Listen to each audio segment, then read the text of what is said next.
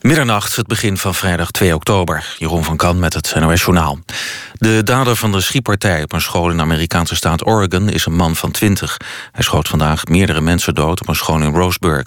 Hoeveel slachtoffers er zijn is nog steeds niet duidelijk. Op een persconferentie noemde een sheriff geen aantallen. Hij zei alleen dat de schutter is doodgeschoten. Amerikaanse media spreken van 7 tot 13 doden.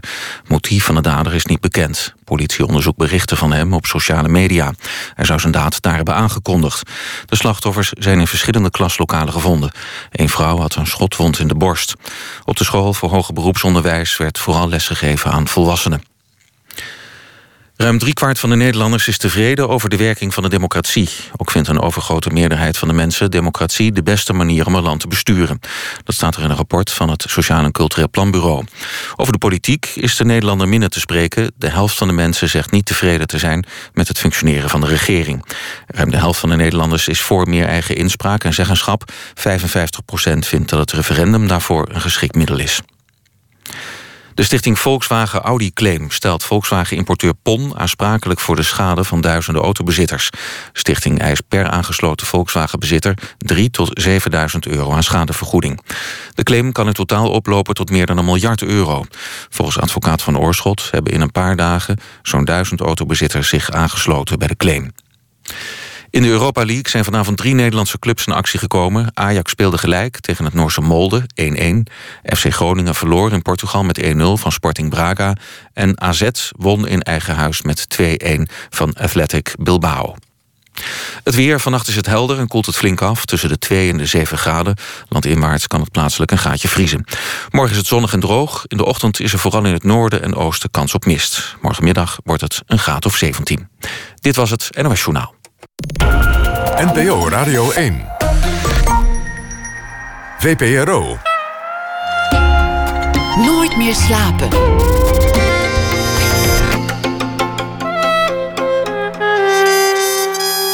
Met Pieter van der Wielen.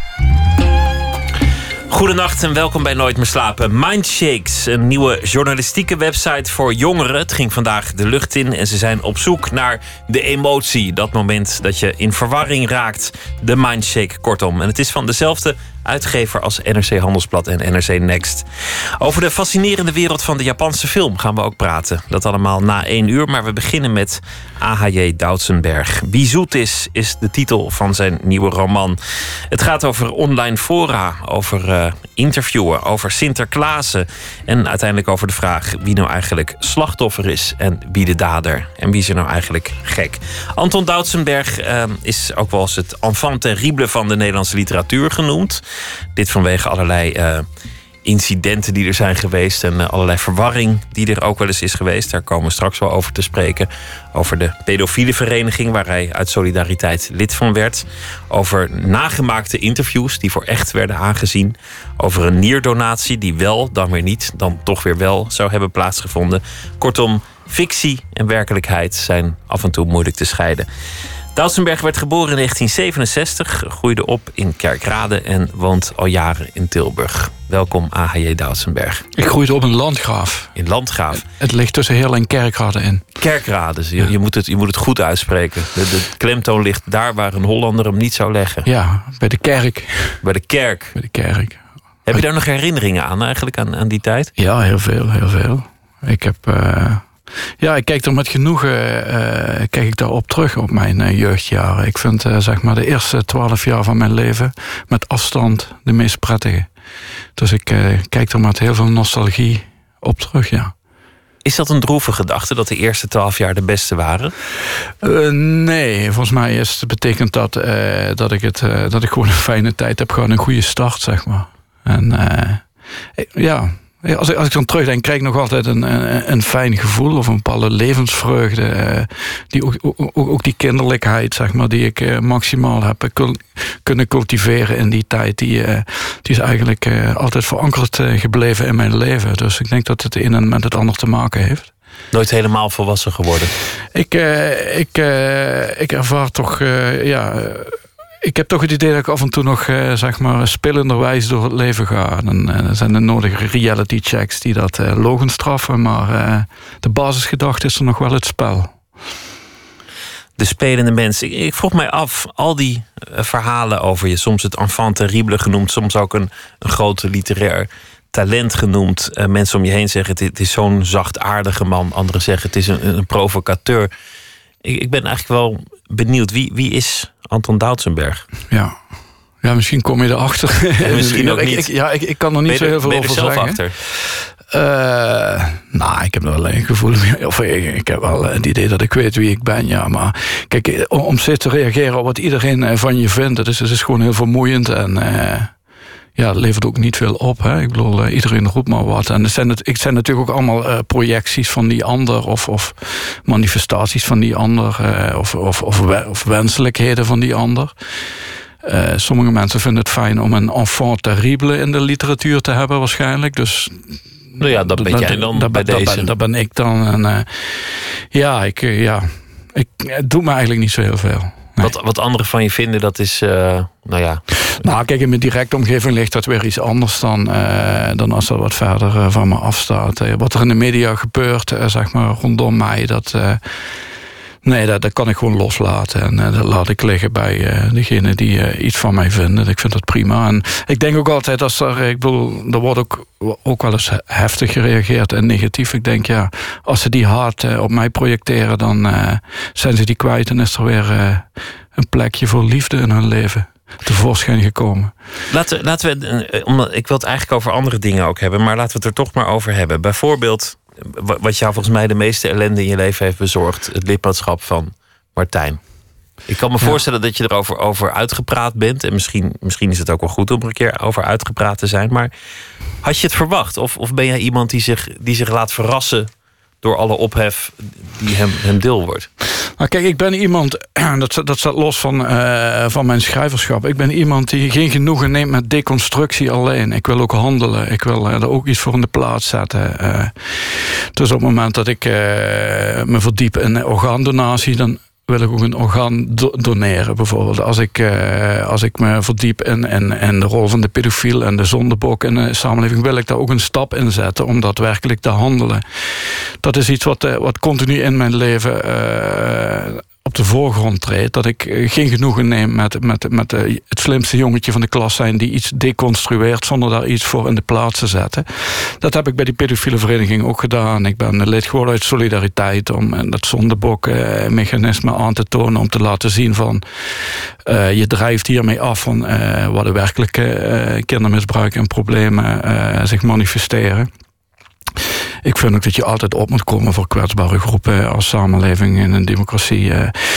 En ik, ik, ik heb ook laten zien van eh, het zijn mensen waar eh, verstandige mensen waar je, waarmee je in dialoog kunt treden. En eh, het heeft me wel verbaasd dat er zo heftig eh, op gereageerd is, omdat ik van begin af aan vrij genuanceerd hierover geschreven en gesproken heb.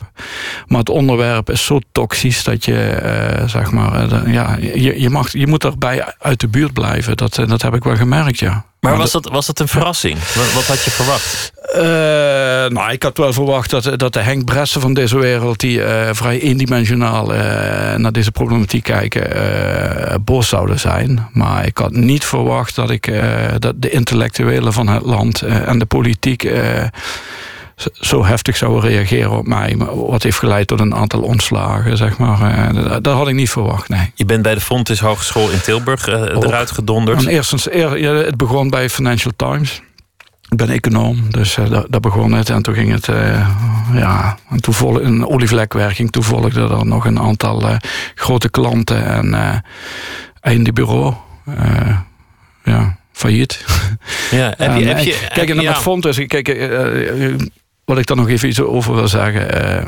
Ik ben, bij Fontes ben ik dus aangenomen omdat eh, juist om eh, maatschappelijke thema's te verkennen met die studenten. Omdat ze zeiden, wij staan bij eh, creative industry, wij leiden jongeren op, eh, jongvolwassenen zeg ik eigenlijk op, om, om straks in de samenleving een rol te spelen. En wij staan met die rug naar die samenleving, helpen ons om die thema's te verkennen. En dat, dat, daar ben ik op ingegaan.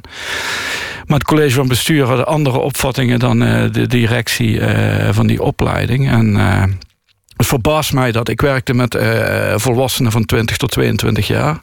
Het verbaast mij dat een opleiding in de, creatieve industrie, zeg maar, volwassenen van 20 tot 22 jaar degradeert tot kwetsbare kinderen. Dat, uh, daar, schrik ik wel van, uh, hoe er over gesproken wordt. Er wordt gezegd, Doudsberg kan niet met onze kinderen in contact komen. Ik denk 20 tot 22 jaar, hallo. Die, die zijn al wat verder, ja.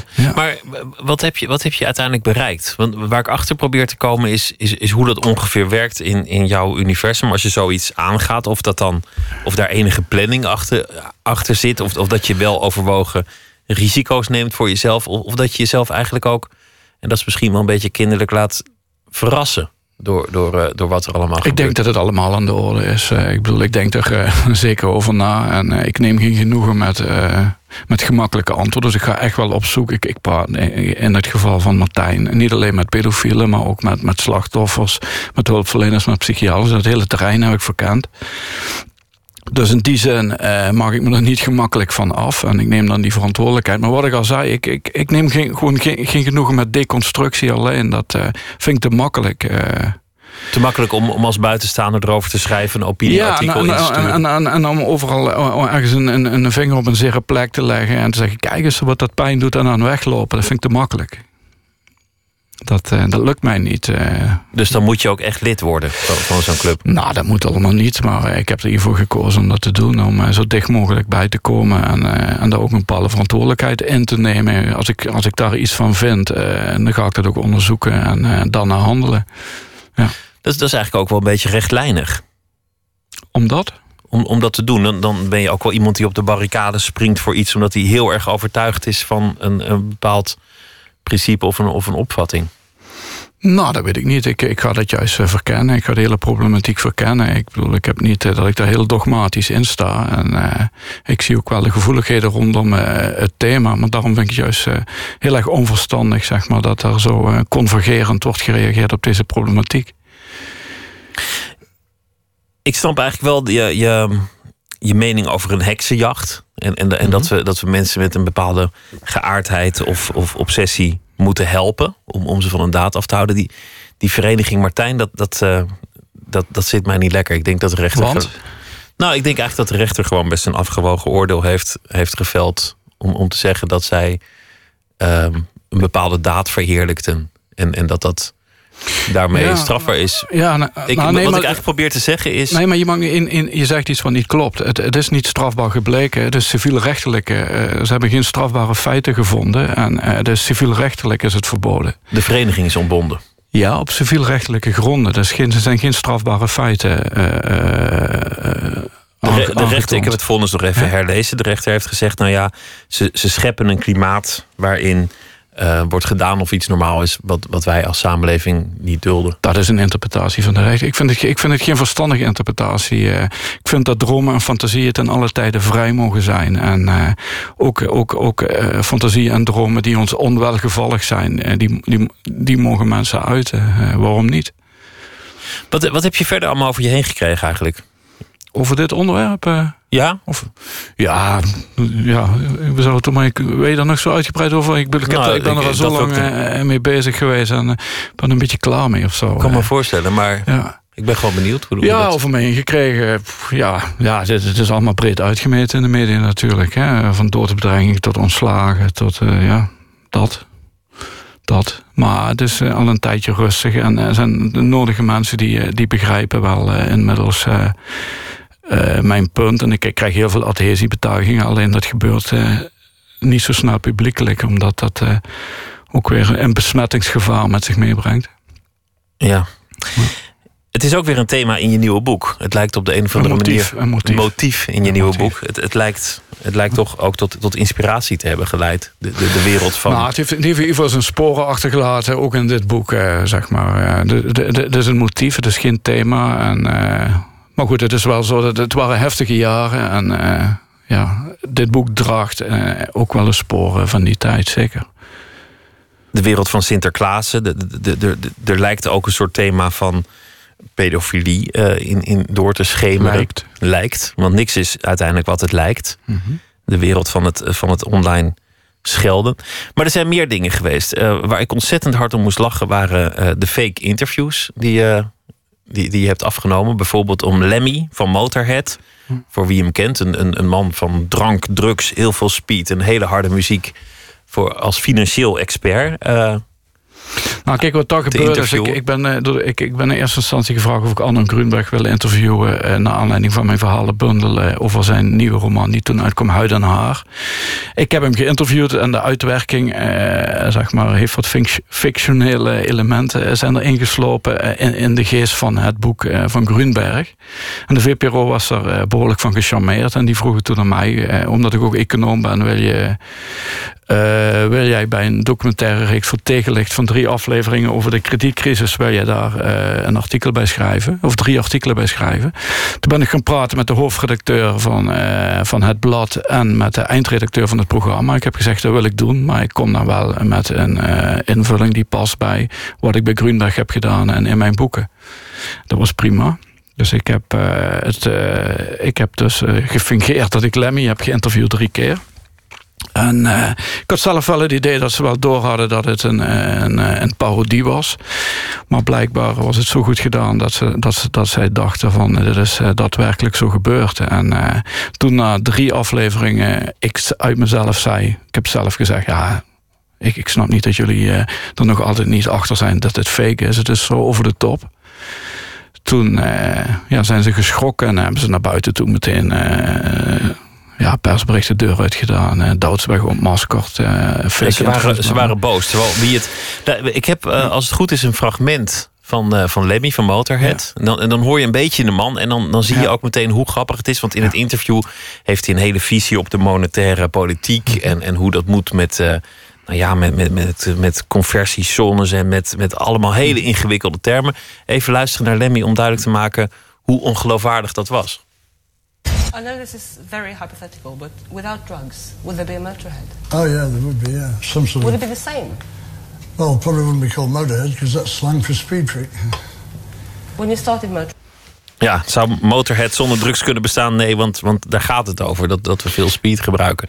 Het was ontzettend grappig. Eigenlijk. Ja, kijk, wat de gedachte daarachter was, was natuurlijk dat het hele, uh, al die economische modellen, uh, ik bedoel, de kredietcrisis brak uit in die tijd en uh, het escaleerde en, je, en alle economen buiten over elkaar heen. En het bleek eigenlijk dat ze allemaal gewoon niet wisten hoe het precies zat. Dus ik, ik ben met dat fictieve karakter van de economische wetenschappen, in ieder geval mijn interpretatie daarvan, ben ik aan de haal gegaan in die interviews.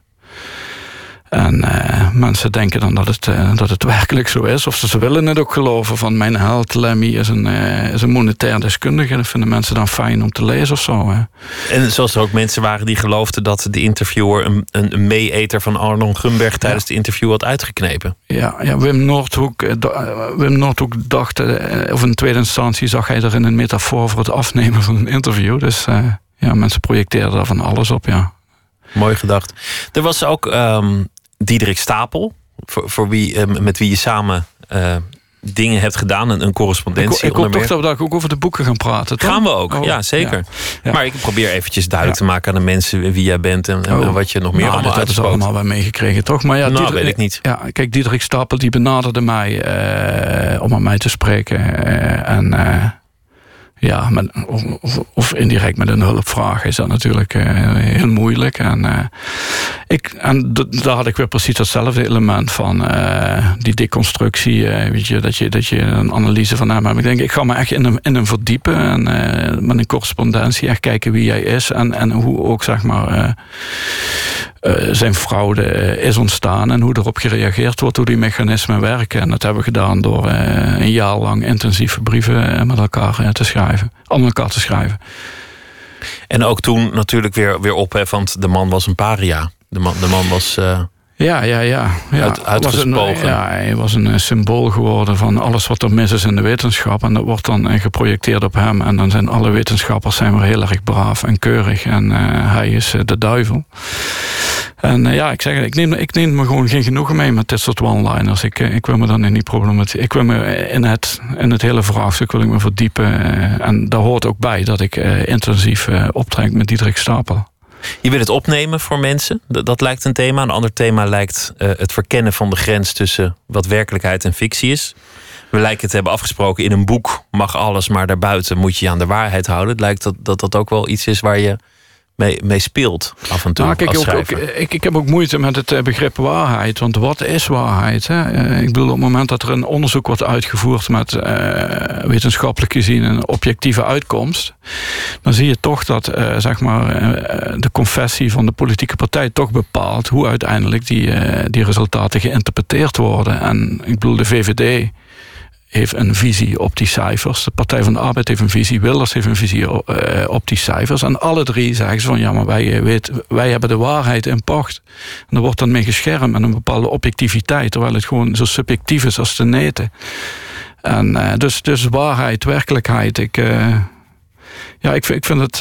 ik, ik blijf daarmee worstelen, zeg maar. Eh. Wat waar is, eh, wanneer iets waar moet zijn. Ja, en, en- ook- hoe we zelf een, een waarheid en een werkelijkheid kunnen creëren. We hebben natuurlijk gezien in een van de eh, eh, meest eh, voor de, eh, sprekende voorbeelden is geweest, eh, zeg maar, de massavernietigingswapens in Irak. Eh, niemand eh, constateerde dat er massavernietigingswapens waren. De wapeninspecteurs ook niet. Maar we hadden met z'n allen, of in ieder geval eh, politiek strategisch was het gewoon belangrijk dat er massavernietigingswapens eh, werden aangetroffen. Dat gebeurde niet, maar ze waren er wel. De Amerikanen, Balkan, je kent het hele verhaal. Er wordt een oorlog gelegitimeerd op basis van een waarheid die eigenlijk helemaal geen waarheid is. Dus we kunnen gewoon waarheid creëren. Liegen heet dat ook wel. Ja, dat, dat- zo zou je het kunnen, kunnen zeggen. Maar dat woord is natuurlijk tot op de dag van vandaag totaal niet gebruikt als je naar, deze, naar dit vraagstuk kijkt. En je ziet het ook. Ik, Ja, maar, wat jij doet, is, is dat dan liegen of is, heeft, is daar een Nou, ander woord ik, voor? Ik lieg, eh, ik lieg absoluut ook. eh, natuurlijk, eh, zonder leugens is het leven volgens mij bijna niet te verdragen. En ik kwets je mensen ook heel erg, heel erg snel. Soms eh, lieg ik bewust om mensen geen pijn te doen. Ik wil het ook hebben over het, eh, het boek dat je geschreven hebt, Wie zoet is. Want ook daarin eh, maak je het de lezer niet altijd makkelijk. Als je denkt dat je weet waar het naartoe gaat, dan, dan gaat het weer een hoek om. Je wisselt van, van stijl, van perspectief. Er, er zitten dubbele bodems in. Ik, ik wil niet het plot weggeven, dat, dat zou, zou zonde zijn. Maar elke keer als je denkt, oh, nu, nu weet ik ongeveer waar het naartoe gaat, dan schiet het weer een andere kant op. En ook hier wordt weer gezegd, het is gebaseerd op een waar gebeurd verhaal. Ja, er wordt van alles beweerd in het boek. Hè? Dus, eh, en de lezer moet zelf maar uitmaken zeg maar, hoe hij dat interpreteert. Dus, eh, het is, het is ik, ik, ik vind het een moeilijk boek om over te praten, omdat je heel snel iets weggeeft. Hè?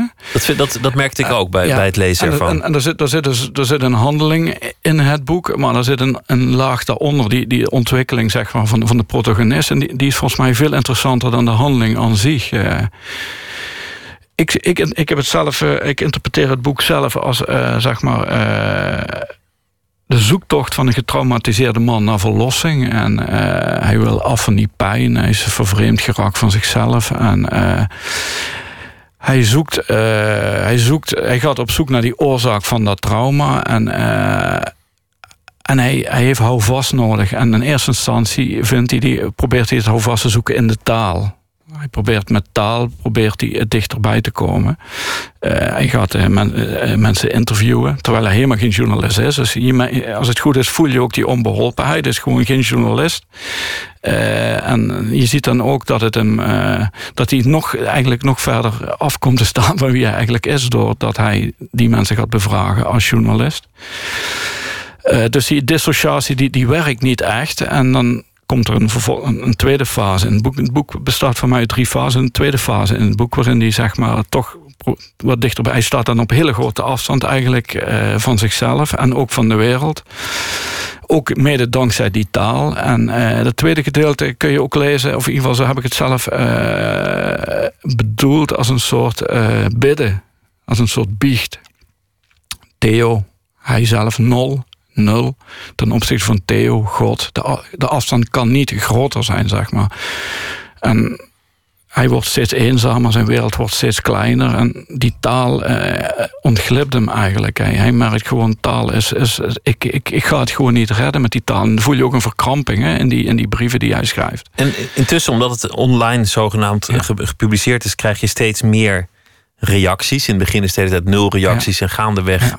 Eh, meer. Dat, dat is natuurlijk iets van deze tijd. Als, als Orpheus nu zou spelen, dan zou hij niet afdalen naar de hel, maar scrollen naar de hel. De, het gastenboek in, de Ja. reacties. Ja, De dus, grimmige wereld. Dat is natuurlijk een allegorie van de eenling ten opzichte van de samenleving die heel hard oordeelt over die persoon. In ieder geval wat die publiceert. Hè?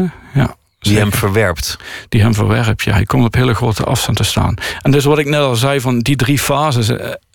Het is ook een noodlotsdrama. En hij voelt eigenlijk aan alles van... ik kan het noodlot niet ontlopen, maar hij probeerde natuurlijk wel.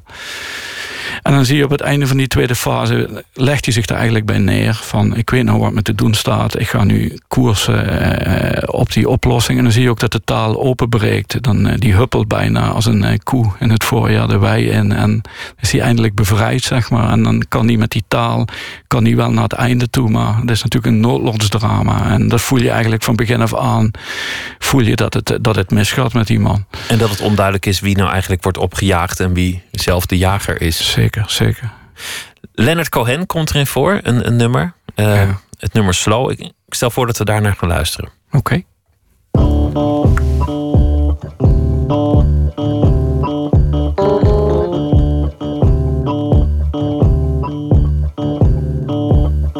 I'm slowing down the tune.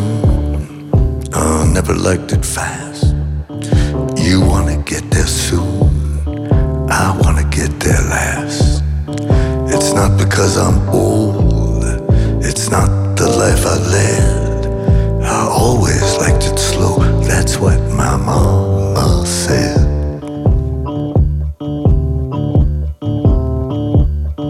I'm lacing up my shoe but I don't want to run. I'll get there when I do. Don't need no starting gun. It's not because I'm old,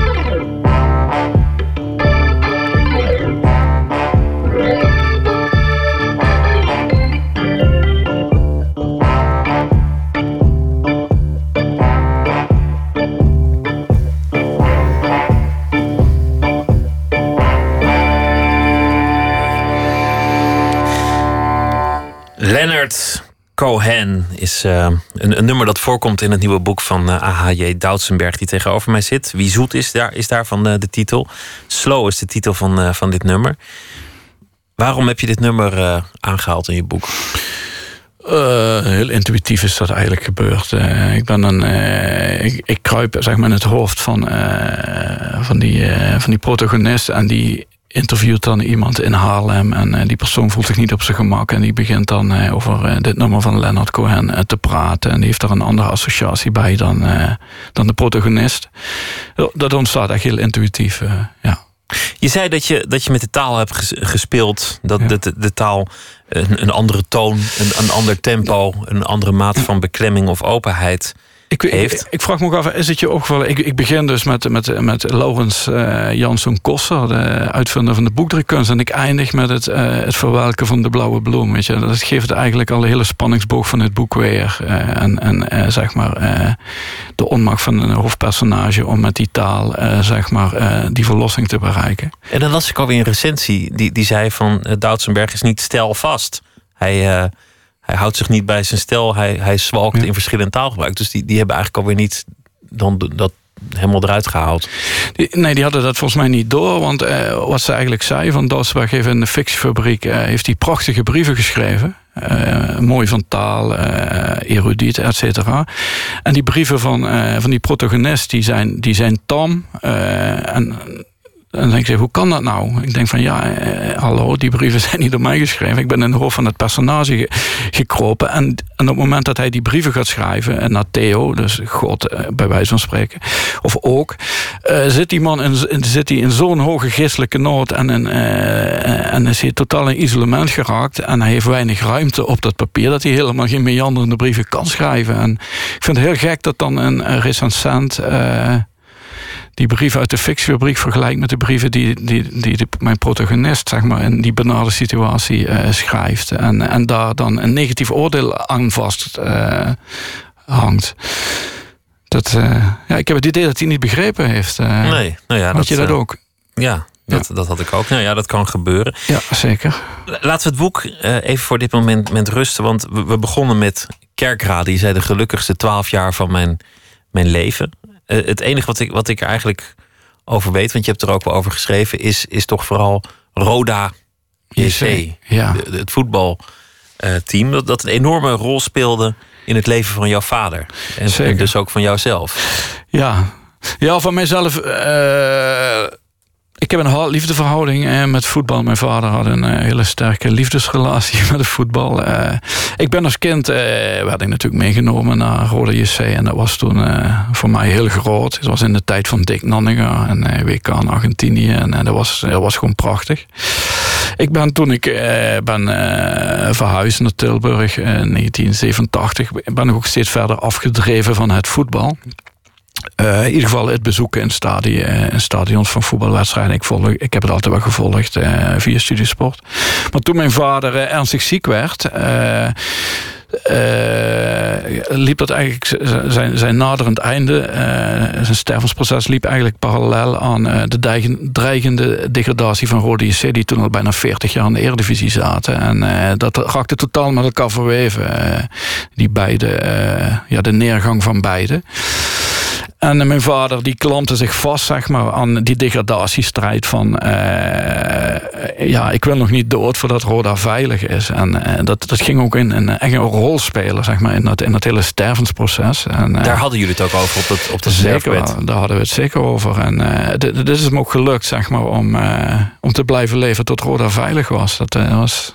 En was dat ja. ook de, de, manier om contact te hebben met je vader en het over moeilijke dingen te hebben, om dan maar weer over Roda te beginnen? Uh, nee, nee. Uh, ik had met mijn vader uh, een goed contact inmiddels. Dat is vroeger wel anders geweest. Er, er was afstand, er was ongemakkelijkheid. generatiekloof. in ieder geval wat je, wat je ook mijn vader is, een eenvoudige man, zeg maar zoon van een mijnwerker in een fabriek gewerkt, et cetera. En op het moment dat ik naar het VBO ging, was de afstand er eigenlijk al meteen. De ongemakkelijkheid, de afstand. Je was, je was hem overschaduwd, overgroeid? Ja, kijk, dat, dat wordt dan te groot of zo. En uh, dat is natuurlijk... Uh, in, uh, ik ben echt opgegroeid in een hele verticale omgeving, zeg maar. Dat, van het katholicisme en de, de mijnwerkers. Dus, dus ik, ik, ik zat al vrij snel een, een sport hoger op de ladder, zeg maar. Niet, niet dat ik daar zelf een status aan wil ontleden maar dat, gevoelsmatig was dat het geval. Waardoor er afstand ontstond en ongemakkelijkheid om over dingen te praten, et cetera. Maar ik heb uh, rond mijn dertigste heb ik... Uh, een aantal claims losgelaten en zag ik zeg maar, deze mechanismen ontstaan en denk van ja, het, het gaat hem gewoon niet lukken om dat te doorbreken en dat is ook logisch. Eh, dat, dat moet ik zelf doen en het is mij gelukt om, om, om zeg maar, die claims los te laten en echt een relatie met hem op te bouwen. En ik heb de, afgelopen, de laatste 10, 15 jaar van zijn leven is dat, is dat steeds beter gegaan. En uh, ik ben de laatste drie, vier maanden van zijn leven ben ik ook bij mijn ouders gaan wonen, zodat hij thuis kon sterven. En, eh, ja, toen zijn we heel dicht bij elkaar gekomen. Dus we hadden het voetbal niet nodig om eh, te communiceren met elkaar.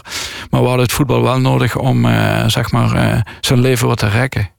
Om, om, om het vol te houden, om, om dat voetbal nog, nog mee te maken. Ja, er kwam een hele mooie romantiek bij kijken. Die vechtlust van, van het voetbal, dat alles of niets. En dan ja, en zo'n stervensproces, dat is, eh, dat is ik bedoel, ik bedoel, je zou zeggen op papier is een hele mooie metafoor, maar als je het meemaakt, dan zie je ook dat hij gewoon tot in alle vezels van je lijf doorwerkt. En je ben, ik ben dan met hem, want hij kon, hij kon niet meer naar het stadion, hij was ziek, eh, live die wedstrijden in kijken. En uh, ja, dat is, uh, ja, dat zijn, zijn belevenissen van, uh, ja, is te groot eigenlijk.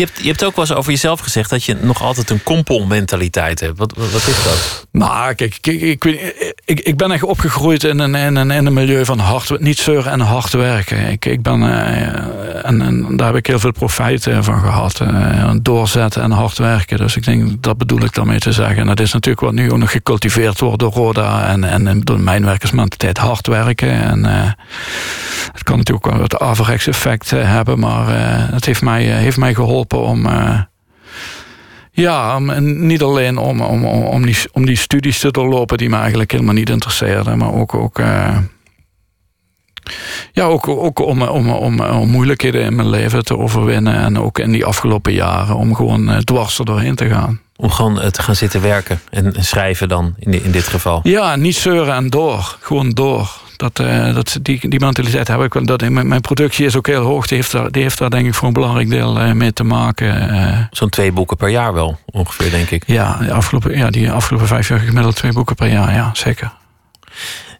Ze zeggen over jou dat je, dat je in jonge jaren onvoorstelbaar verlegen was. Dat je, dat je niemand aankeek. Nou, ik zeg dat zelf. Hè? nou ja, ik, ja. ik heb, ik heb mensen om je heen okay. gesproken die, die, die dat eigenlijk bevestigden. Van, ja, die, die, die jongen die was, was ontzettend verlegen. Ja, vreselijk. Ik, uh, dat is ook, dat is nou, wat ik al zei, de eerste twaalf jaar had ik daar helemaal geen last van. Of, of weet je wel, als klein kind mag je verlegen zijn en mag je huilen en mag je verstoppen. En, uh, maar als je dan, uh, zeg maar, die adolescenten, adolescententijd is dat allemaal gewoon een stuk moeilijker. En dan diende die verlegenheid zich bij mij echt ja, op een hele extreme manier aan. Ik durfde niemand aan te kijken. Ik durfde niks, niet te spreken in openbaar. Ik, ik wilde onzichtbaar zijn. Ik wilde echt letterlijk onzichtbaar zijn. Ik heb ook een tijd gehad dat ik blind wilde zijn. Ik kon al die blikken van mensen kon ik niet verdragen. Kijk, wij kijken elkaar nou aan. Ik, kon het in die tijd kon ik dat absoluut niet. En, eh, en dan voel ik echt zo'n bedreiging. Is ook eng, iemand in de ogen kijken. Ja, en ik vind dat nou, ik vind, dat heb ik niet meer. Uh, nee, ik vind, nee. Heb je achter je gelaten, die gelegenheid? Uh, nou, ik, ik, ik, eh, ik heb die voor een deel achter me gelaten. Ik heb, ik heb hem voor een deel overwonnen. En voor een deel laat ik hem ook toe. Kijk, op het moment dat je verlegenheid toelaat... en uh, dat, is op zich ook wel een bevrijding. Hè? Het is helemaal niet zo erg om verlegen te zijn en je ongemakkelijk te voelen. Dus je kunt het ook bespreekbaar maken. Ik heb gewoon manieren gevonden om daarmee om te gaan. En, uh, maar dus wel, en ik, wat ook meespeelt, ik heb, ik heb vrij lang uh, medicijnen geslikt voor antidepressiva, voor angst, depressies, 17 jaar lang. En wat je dan ook merkt, dat, dat, dat, dat je in een soort gewatteerde wereld terechtkomt. En dat dempt ook die angsten en die verlegenheid voor een deel. dus dat was ook wel prettig. Heeft ook, heeft ook op. Hoe was het om, om naar nou ja, Tilburg, dan ben je nog niet helemaal boven de, de grote riolen, maar een, een Limburger, ja, dat Limburg zijn, dat, dat werkt toch door in iemands psyche. Hoor ik vaak van mensen die, die het zelf zijn of zijn geweest. Ze zeggen er goede mooie asperges en rare bonen in, in Limburg. Ja, ik, ik heb daar zelf helemaal niet. Ik voel me niet echt een Limburger of een Brabander. Of, uh, ik, heb daar, ik, heb, ik ken ook geen Randstadangst of zo. Uh, Bestaat dat, Randstad angst? Ja, dat is natuurlijk nodige mensen die uh, in de provincie wonen... die bang zijn voor uh, de arrogante, zelfverzekerde Hollander. Hè? Dus uh, dat is het cliché dan. Hè? Ik, ik, heb dat, ik heb dat gevoel niet. Dus, maar dat is ook weer, weet je, dat zijn ook weer van die, van die convergenties... waar ik eigenlijk helemaal niks mee kan of niks mee wil. Het zijn van die clichés en dan gaan mensen zich er misschien ook naar gedragen. Maar ik, ik werp die verre van mij.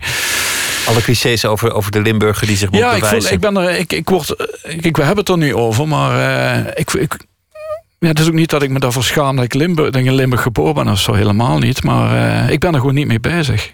Je bent wel altijd een buitenstaander.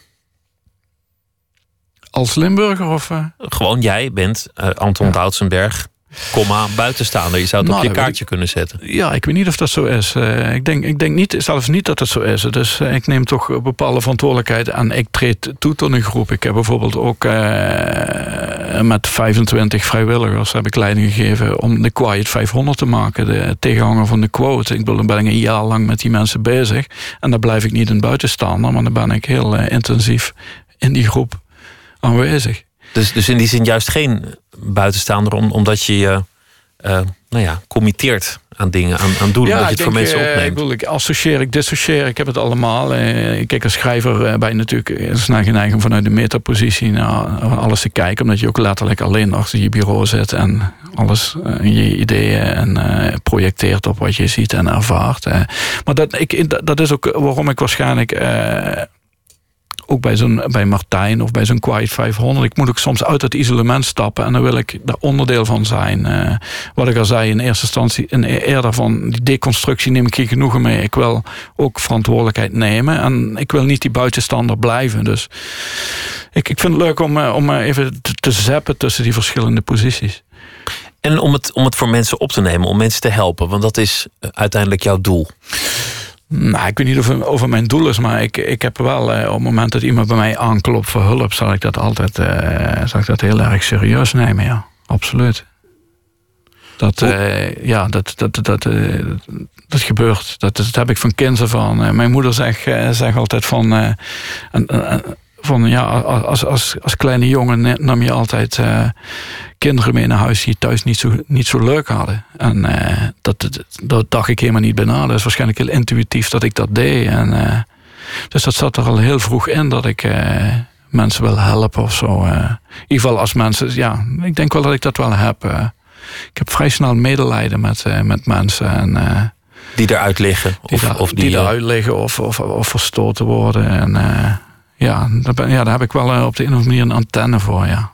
En een afkeer van, van de moraal. Je, je, hebt, je hebt daar een, boekje over geschreven langs de rafelranden van, van de moraal. Wat eigenlijk ook een, een, een schotschrift is tegen de, de vertrutting van onze samenleving. Ja, en daarmee eigenlijk ook heel moreel is. Hè? Ja, dat is, dat is dan weer dat, grappig. Dat is het dubbele hè, daarin. Dus ik, ik, ik, dat is ook weer van, daar kun je zelf ook niet buiten plaatsen. Want er zitten, ik bedoel, er zitten heel veel uh, morele dimensies in mijn werk. Dus uh, het is niet dat ik amoreel, uh, mezelf amoreel plaats als schrijver. Maar ik denk dat ik soms ook best een moralist ben. En misschien zelfs wel een vervelende moralist.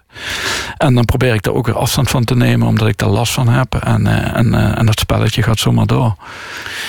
Eigenlijk was lange tijd je beroep econoom of, of je vak. Mm -hmm, maar, maar inmiddels is het uh, echt schrijver geworden. Dat, dat ontslag heeft dat nog eens extra onderstreept. Dat je, dat je dan nu schrijver bent. Wat betekent schrijverschap voor jou? Nou, kijk, het, is niet helemaal uh. Want ik, ik ga uh, beginnen in eind oktober uh, als docent bij Artes Kunstacademie in Arnhem. Ga ik ga ik uh, lesgeven. En dan ga ik met, uh, met ik geloof dat uh, tweede, van de tweede jaargang ga ik met, die, dit zijn creative writing. Het is de enige kunstacademie die ook creative writing in het curriculum heeft opgenomen. Ga ik met die studenten aan de slag om ook na te denken van wij willen graag schrijver worden, maar hoe plaats je jezelf nou in die samenleving om daarmee te gaan spelen? Niet alleen met, uh, met, met literaire technieken te gaan worstelen, maar ook gewoon echt uh, meer vanuit een uh, ook metapositie. Wat wil jij als schrijver dan in die samenleving voor rol spelen? Of misschien wel helemaal geen. En ben je iemand die, die, die, die alleen maar esthetisch, zeg maar, met de letteren bezig wil zijn. Dus, dus ik probeer wel niet helemaal, wat ik al zei, niet, niet geïsoleerd achter dat beeldscherm weg te kruipen. Dus ik vind het wel prettig. Ik verheug me erop om, om les te gaan geven. In Arnhem. En, ik wil dat ook wel uitbouwen. Dat, uh, het lesgeven over literatuur en maatschappelijke thema's, et cetera. Ik heb vorige week met Tinkerbell uh, samen een gastles gegeven op een VWO in Helmond. En dat beviel zowel mij als, als, als haar heel erg goed. Dus dat, is, dat zou ik ook wel vaker willen doen, ja. Jullie zijn ook wel aan elkaar gewaagd, denk ik zo. Ja, zeker, zeker. En er zitten wat raakvlakken. En ik, ik wil niet de hele dag achter mijn beeldscherm zitten. Ik wil ook de samenleving in. Dat is gebleken, maar, maar wat betekent het schrijverschap voor je? Is, is het een, een, een, vlucht? Is dat het moment dat je, dat je weer kind kan zijn? Dat je, dat je mensen met, met een kraan op hun rug kunt eh, verzinnen? Of andere absurde verhalen die je soms bedenkt? Of, of, of parallele werelden die je gewoon kunt, kunt creëren? Of, Ja, of, of heeft het een andere functie? Ja, dat is misschien ook wel een, een overlevingsmechanisme om eh, de onrust in mijn ho- hoofd eh, te beteugelen. En eh, dat, dat speelt zeker ook mee. eh. ik heb een heel onrustig hoofd, heel veel chaos. En ik denk dat ik met het schrijven. eh, ja, dat ik dat eh, op de een of andere manier ook wel een beetje kan systema Of dat ik een, een systeem eh, voor mezelf eh, creëer. Of verschillende systemen. En die daarna ook weer onderuit wil halen. Omdat de onrust toch weer groter blijkt te zijn dan. dan de structuur die ik creëer. En, Je hebt wel- niet alleen een onrustig hoofd, maar je hebt ook een onrustig leven, volgens mij. Ja, dat valt wel mee hoor. Ik, dat valt wel mee. Nou, ik, ik zou niet willen ruilen als ik, als ik alles lees en hoor. Ja, maar je moet niet vergeten dat, kijk, alles wat je leest en hoort, dat, dat, dat, er, eh, dat er. De media is multiplicerend. Hè? Dus op het moment dat, ik, eh, dat er eh, iets, iets, iets gebeurt rondom mij of ik iets zeg. En dat, en dat duikt in 20 of 30 verschillende media op, is het net alsof ik daar overal actief een rol bij heb gespeeld. Terwijl het misschien vijf minuten werk is geweest, snap je? Dus ik, heb heel veel rust. Ik woon lekker afgelegen. Ik, ik kijk, kijk el- elke dag minimaal één film. Eh, ik eh, vaak met mijn geliefde samen. Eh, nee, ik heb, ik heb eigenlijk ook wel een vrij rustig leven. Het lijkt zo, omdat het in die media, wat ik al zei, het is een hele multiplicerende rol. En dan wil ik niet een, een zwarte piet bij de media neerleggen, maar het gebeurt gewoon wel zo. Ik wil op het moment Het dat vergroot uit. het ja. vergroot uit, het multipliceert, het vervormt ja, via de sociale media helemaal. Maar ook in de kranten, radio, tv. En Maar ja, je hebt het over mensen die verstoten worden en, en dat je die wil helpen. Je, je- bent zelf ook verstoten. En volgens mij, als je van nature al verlegen bent, is, is, dat, is dat uiteindelijk de grote klap die je nog eens nakrijgt. ja, dat is ook niet makkelijk geweest. Dat is, We hadden eh, gisteren hier een absoluut. psych te gast en die, en die zei: ja, het ergste wat iemand kan gebeuren is verstoten worden. Ja, Dan gaat alles in dat brein op tilt. ja. Ja, nou, maar ik ben, ik ben natuurlijk niet compleet verstoord. Ik heb natuurlijk altijd... Is, is altijd De mensen groep- om je heen waren er zijn, er nog. Nou, er zijn altijd een groep mensen die ook begrijpen wat je doet... en waar je dan eh, steun aan kunt ontlenen. Dus het is niet zo dat ik eh, ergens in een hoekje zit... en eh, niemand naar mij omkijkt of zo. Dus eh, nee, zeker niet. Laten we weer luisteren naar eh, een van die mooie platen van een Franse popband, Nouvelle Vague. En eh, we hebben een nummer dat heet No One Knows.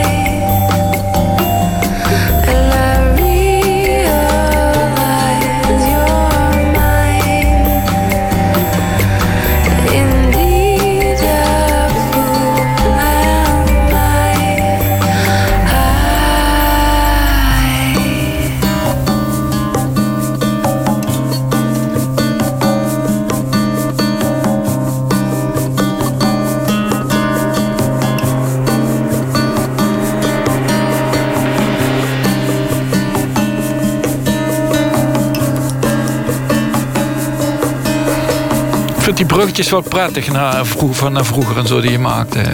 Ja? Dat vind ik fijn, ja. Mooi. Dan eh, was dit No One Knows van eh Nouvelle Vaak. Zijn we het toch nog eens geworden over waar we het eh, over moeten hebben. Verlossing, dat, daar wilde ik het eigenlijk ook over hebben. Want, want daar gaat je hele boek over. Dat, eh, wie zoet is. Het gaat eigenlijk over het zoeken naar verlossing in, in de taal al. Maar ook, ook iemand die op zoek is naar waarheid. Die, die eigenlijk ook niet vindt. Die, die eh, ja, misschien in, in zekere zin ook wil weten hoe het zit. En dat, dat niet krijgt. Ja, en, en, en eigenlijk dan alle hoop op dat moment eh, vestigt op zijn dromen en zijn onderbewustzijn. eh. die, die moeten dan de verlossing openbaren voor hem. Want met de ratio en met de taal redt hij het niet. Je had het over, over dat je jeugd, dat, dat waren je mooiste jaren. Je hebt het gehad over antidepressiva, over het overwinnen van je, van je verlegenheid. Je hebt het gehad over de literatuur die jou overeind houdt. Over, over de moeilijke momenten in je leven die je hebt gehad. Die, die je ook zelf een beetje bent aangegaan. Over, over wat je prettig vindt, namelijk thuis met je vriendin elke dag een film kijken. Nou, niet elke dag met mijn vriendin. Ik ben graag alleen hoor. Maar Wel elke dag een film en soms kijkt je in- vriendin mee. zo is het. Geloof je in verlossing? Is, is er een moment dat, dat, dat je op het droog zult zijn? Dat, dat, je, dat er rust zal zijn in je hoofd, in je leven, in de wereld? Ik, ik durf het niet te zeggen. Ik ben bang voor niet. Ik ben bang voor niet. Nee. Is het een verlangen? Nou, dat is wel een verlangen naar, eh, naar rust, ja. Die heb ik wel, ja. Maar ja, misschien vind ik hem wel met eh, het ouder worden. We zullen zien. We zullen zien. Maar ik ben bang voor niet.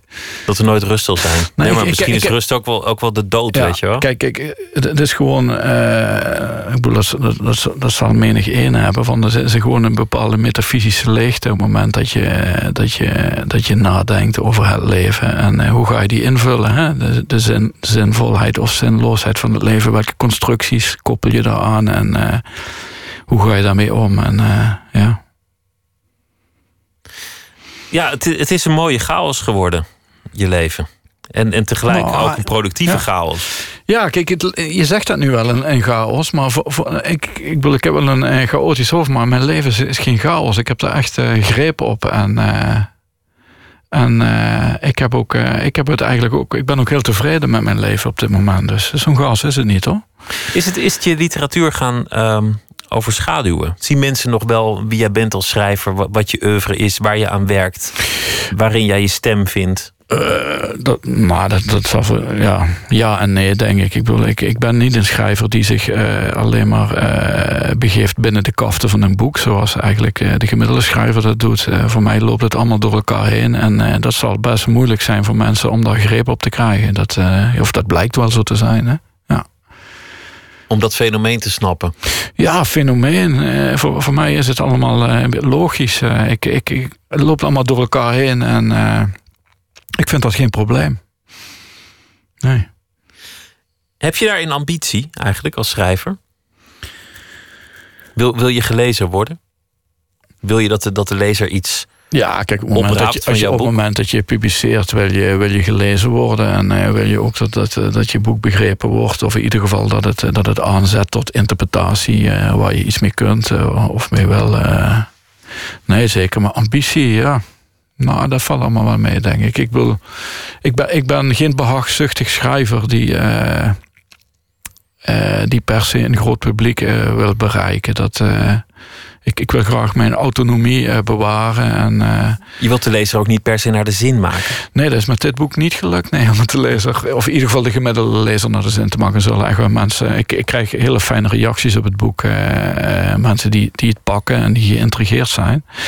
Maar kijk, ik. Nee, ik ben niet een schrijver die dan denkt van ik moet dit, dit thema en dit motief gebruiken en dan eh, kom ik waarschijnlijk in de CPMB top 60. Dat, eh, nee, dat denk ik totaal niet. Ik zie het gewoon wel. En wanneer is er dan toch die, die verlossing? Want, want een boek is ook altijd Ja, hard de werken. verlossing, dat spreekt jou aan. Ja, dat vind ik mooi. Omdat ik, voor, voor mij, Wil jij dat- verlost worden? nou, ik geloof niet zo in verlossing, eerlijk gezegd. Maar het, het lijkt zo'n thema in je. Ja, maar je, je zegt werk. ik geloof er niet in. Maar we hebben het er nou toch al een lange tijd over. Dus volgens mij geloof je er wel in. Nee, ik geloof dat jij erin gelooft. Ja? Ja, dat weet ik niet. Eh, ik denk dat het toch ook behoorlijke projectie is. Eh, het zit natuurlijk wel, wel, Alles is wel in projectie, dit- dat zei je nee, zelf. maar dat, ik denk dat het, het zit natuurlijk wel in dit boek. Maar ja, ik heb zelf niet het idee dat ik, eh, dat ik mezelf of de wereld moet verlossen of zo. Dat zeker niet. Nee. Ik krijg het beeld van, van een, een, een hele aardige jongen die, die behulpzaam wil zijn, maar ook iemand die uiteindelijk wel overtuigingen heeft en op barricades staat. In, in die zin ben je ook wel, radicaal. Ik kan radicaal zijn, eh, zeker, zeker. Maar ik probeer zelf eh, zo, eh, zo min mogelijk dogmatisch te zijn. Maar ik, ik, ik bedoel, mijn, mijn opvattingen zijn, ook, zijn hopelijk ook vloeibaar. Dat betekent dat ik niet, zeg maar, vast wil houden aan als ik iets gezegd heb, dat ik daar ook naar moet leven of zo. Nee, dat, dat, ik hoop niet dat ik een verzuurde moralistische dogmaticus word. en het gevaar zit er natuurlijk altijd in. En eh, ik hoop dat ik eh, in mijn omgeving mensen heb die me daarvoor kunnen behoeden. En dat het mezelf ook lukt om me daarvoor te behoeden. En Want dat zijn, natuurlijk- want dat zijn vaak niet de fijnste mensen om mee om te gaan. En dus moet het ook altijd vrolijk blijven. Nou, hoeft niet per se vrolijk te blijven, maar nee, nee, dat hoeft niet. Nee, dat hoeft niet. Ik vroeg mij af, want, want, want er was ook nog het verhaal. We, we hebben bijna alles behandeld, behalve dan de nier. Die, die, die Ja. was er ook nog. En, en ja, er was het verhaal. Hij had een nier gegeven, een boek geschreven. En toen werd weer ontkend dat die nier was gegeven. En toen werd weer ontkend dat ontkend was dat er een nier was gegeven. Ja. Op een gegeven moment dacht ik, nou ja, wat maakt het eigenlijk uit? Ja, het maakt, ja, het maakt natuurlijk ook, in literair gezien maakt het natuurlijk niet veel uit. Maar eh, dan zie je ook weer wat er gebeurt op het moment dat je speelt, zeg maar, met, met dat gegeven. Dat mensen dan toch eh, vanuit een bepaalde wenselijkheid eh, eh, naar een conclusie toewerken. Van het merendeel van de mensen vindt het eigenlijk helemaal geen fijne gedachte dat je, dat je een nier doneert. Omdat het misschien laat het dan hun eigen lafheid zien. En dus op het moment dat ik zelf daar dan mee speel, grijpen ze dat meteen aan. Zie je wel, hij heeft die nier niet gedoneerd. Dan zijn ze weer gerustgesteld. Maar die nier die heb ik daadwerkelijk gedoneerd. En dat is natuurlijk ook al lang uitgezocht. Maar blijkbaar is het. Een beetje, is het, is, het, is het een beetje, eh, vinden media het ook leuk om, om, om daar geheimzinnig over te doen. Want het, is, het, is, het, maakt het, het maakt mij wat mysterieuzer, zeg maar. Dat vinden ze leuk. Ik geloof dat je het gedaan hebt, die nier. Dat, ik, bedoel, ik, heb, ik heb niet die, die research helemaal nagelezen of het nou wel of niet is. Het maakt me ook niet uit, maar ik denk dat je iemand bent die dat zou doen. Want ik geloof uiteindelijk, Ja. als ik je zou moeten typeren, dat je gewoon een ontzettend zachtaardige, lieve jongen bent. Ja, die nier die is echt uit, ja. En dat zegt uiteindelijk dat je, dat je dus een zachtaardige, lieve jongen bent. Ik denk dat ik in eh, essentie eh, zachtaardig ben, maar dat ik wel eh, mijn stekels kan opzetten. Gelukkig maar, want alleen maar, alleen maar lief, dat, dat zou een beetje zijig worden, vind je? Ja, dat lijkt me wel, ja. Wie zoet is, is de titel van het nieuwe boek. Anton Doudsberg, dank je wel dat je het gast wilde zijn. En heel veel plezier met alles wat je verder gaat doen. Dankjewel. We gaan zo meteen eh, verder met Nooit meer slapen. Gaan we het hebben over een nieuwe journalistieke website. We gaan het ook hebben over de visual effects in grote films als Star Wars en The Hobbit. En een verhaal van Brechtje Hofstede die deze week elke nacht de afgelopen dag eh, aan het papier toevertrouwt en dat dan weer voordraagt. Twitter, het VPRO NMS of via de mail nooit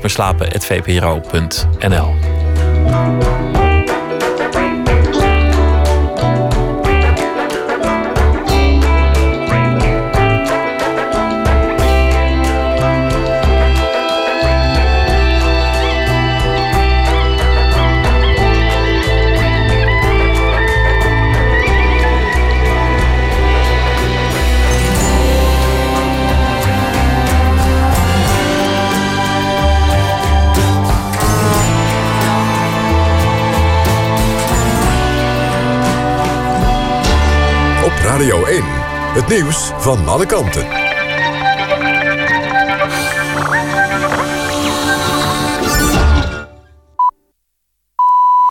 1 uur, Jeroen van Kam met het NOS Journaal. De dader van de schietpartij op een school in de Amerikaanse staat Oregon is een man van 20. Hij schoot vandaag meerdere mensen dood op een school in Roseburg. Hoeveel slachtoffers er zijn is nog steeds niet duidelijk. Op een persconferentie noemde een sheriff geen aantallen. Hij zei alleen dat de schutter is doodgeschoten. Amerikaanse media spreken van 7 tot 13 doden. Het motief van de dader is niet bekend. Politie onderzoekt berichten van hem op sociale media. Hij zou zijn daad daar hebben aangekondigd. De slachtoffers zijn in verschillende klaslokalen gevonden. Eén vrouw had een schotwond in de borst. Op de school voor hoger beroepsonderwijs werd vooral lesgegeven aan volwassenen. Ruim driekwart van de Nederlanders is tevreden over de werking van de democratie. Ook vindt een overgrote meerderheid van de mensen democratie de beste manier om een land te besturen. Dat staat er in een rapport van het Sociaal en Cultureel Planbureau. Over de politiek is de Nederlander minder te spreken. De helft van de mensen zegt niet tevreden te zijn met het functioneren van de regering. Ruim de helft van de Nederlanders is voor meer eigen inspraak en zeggenschap. 55% vindt dat het referendum daarvoor een geschikt middel is. Op de westelijke Jordaan-oever heeft een Palestijn een Israëlisch echtpaar doodgeschoten. Het paar reed met hun vier kinderen in een auto. Vier jonge kinderen zijn licht gewond. De auto reed langs een Palestijns plaatsje ten zuiden, zuidoosten van Nablus... toen die werd doorzeefd met kogels. Het is niet duidelijk of de aanslag het werk is van een eenling... of dat er een militante beweging achter zit. In de Europa League zijn vanavond drie Nederlandse clubs in actie gekomen. Ajax speelde gelijk tegen het Noorse Molde, 1-1. FC Groningen verloor in Portugal met 1-0 van Sporting Braga. En AZ won in eigen huis met 2-1 van Athletic Bilbao. Het weer, vannacht is het helder en het koelt flink af... tussen de 2 en de 7 graden. Landinwaarts kan het plaatselijk een gaatje vriezen. Morgen is het zonnig en droog. In de ochtend is er vooral in het noorden en oosten kans op mist. En morgenmiddag wordt het een graad of 17. Dit was het NOS Journaal. NPO Radio 1. VPRO. Nooit meer slapen.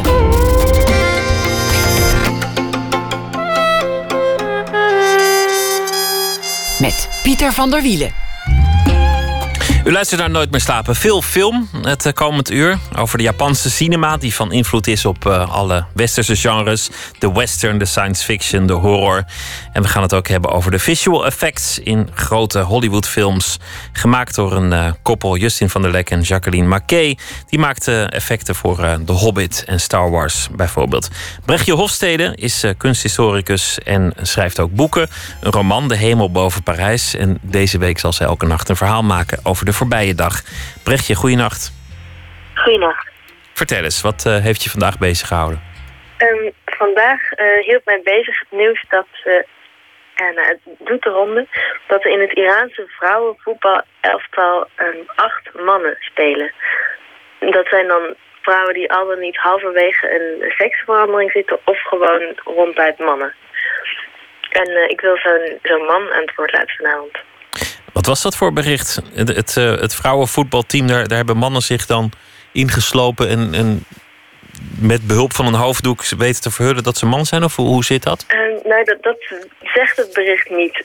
Um, het is eerder gebeurd, kennelijk een paar jaar geleden, dat uh, um, vlak voor een groot toernooi werd, werd verkondigd dat er controles zouden worden uitgevoerd op het geslacht van de spelers speelsters, waar, waarop bepaalde speelsters zich direct terugtrokken of werden ontslagen.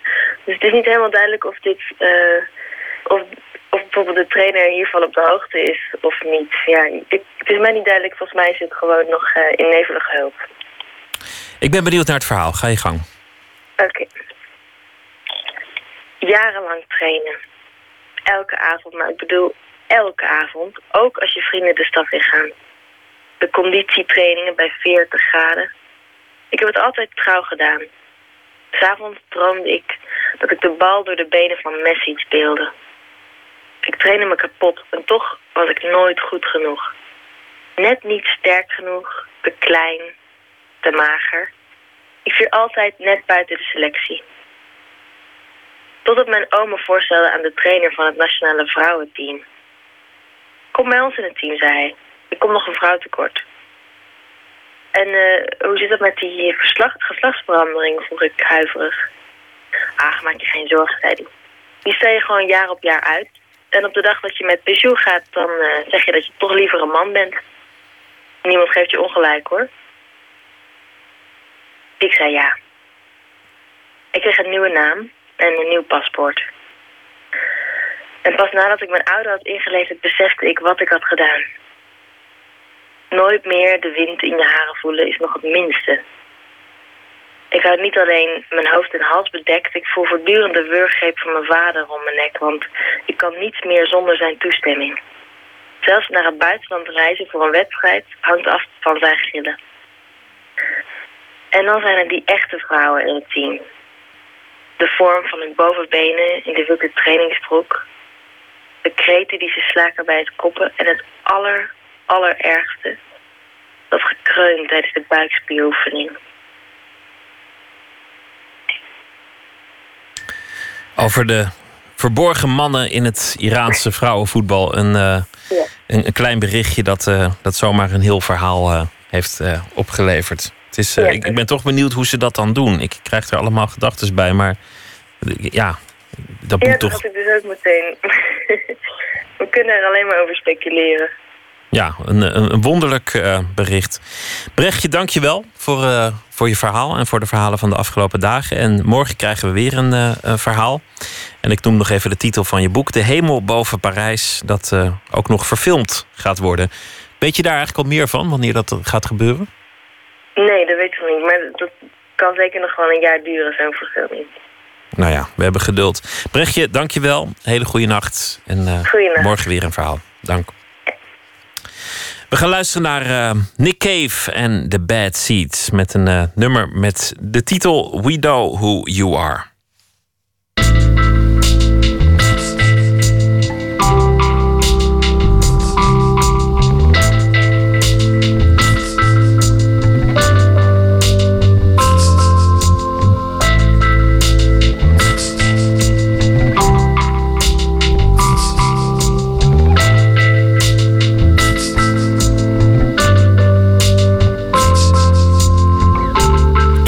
Don't care what the little bird sings.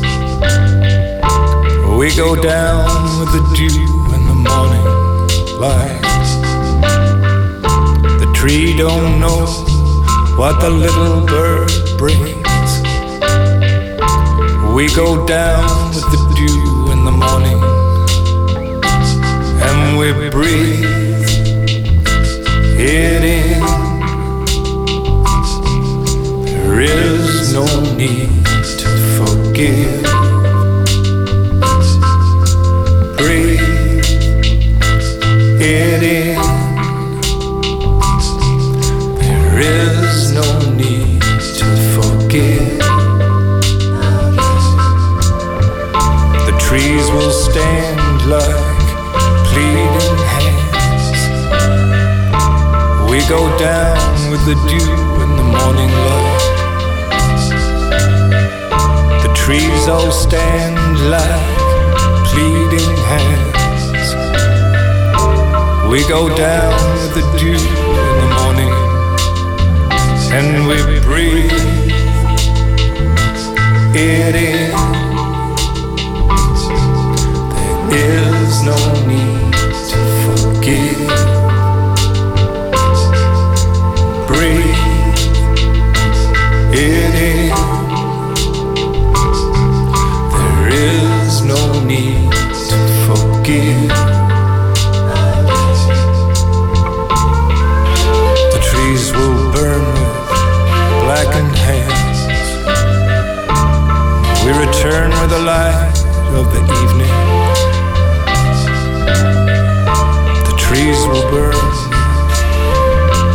blackened hands. Nowhere to rest, nowhere to land. And we know who you are, and we know where you live. And we know there's no need to forgive. And we know who you are, and we know where you live. And we know there's no forgive. And we know who you are, and we know where you live. And we know there's no need to forgive. And we know who you are, and we know where you live. And we know there's no need to forgive.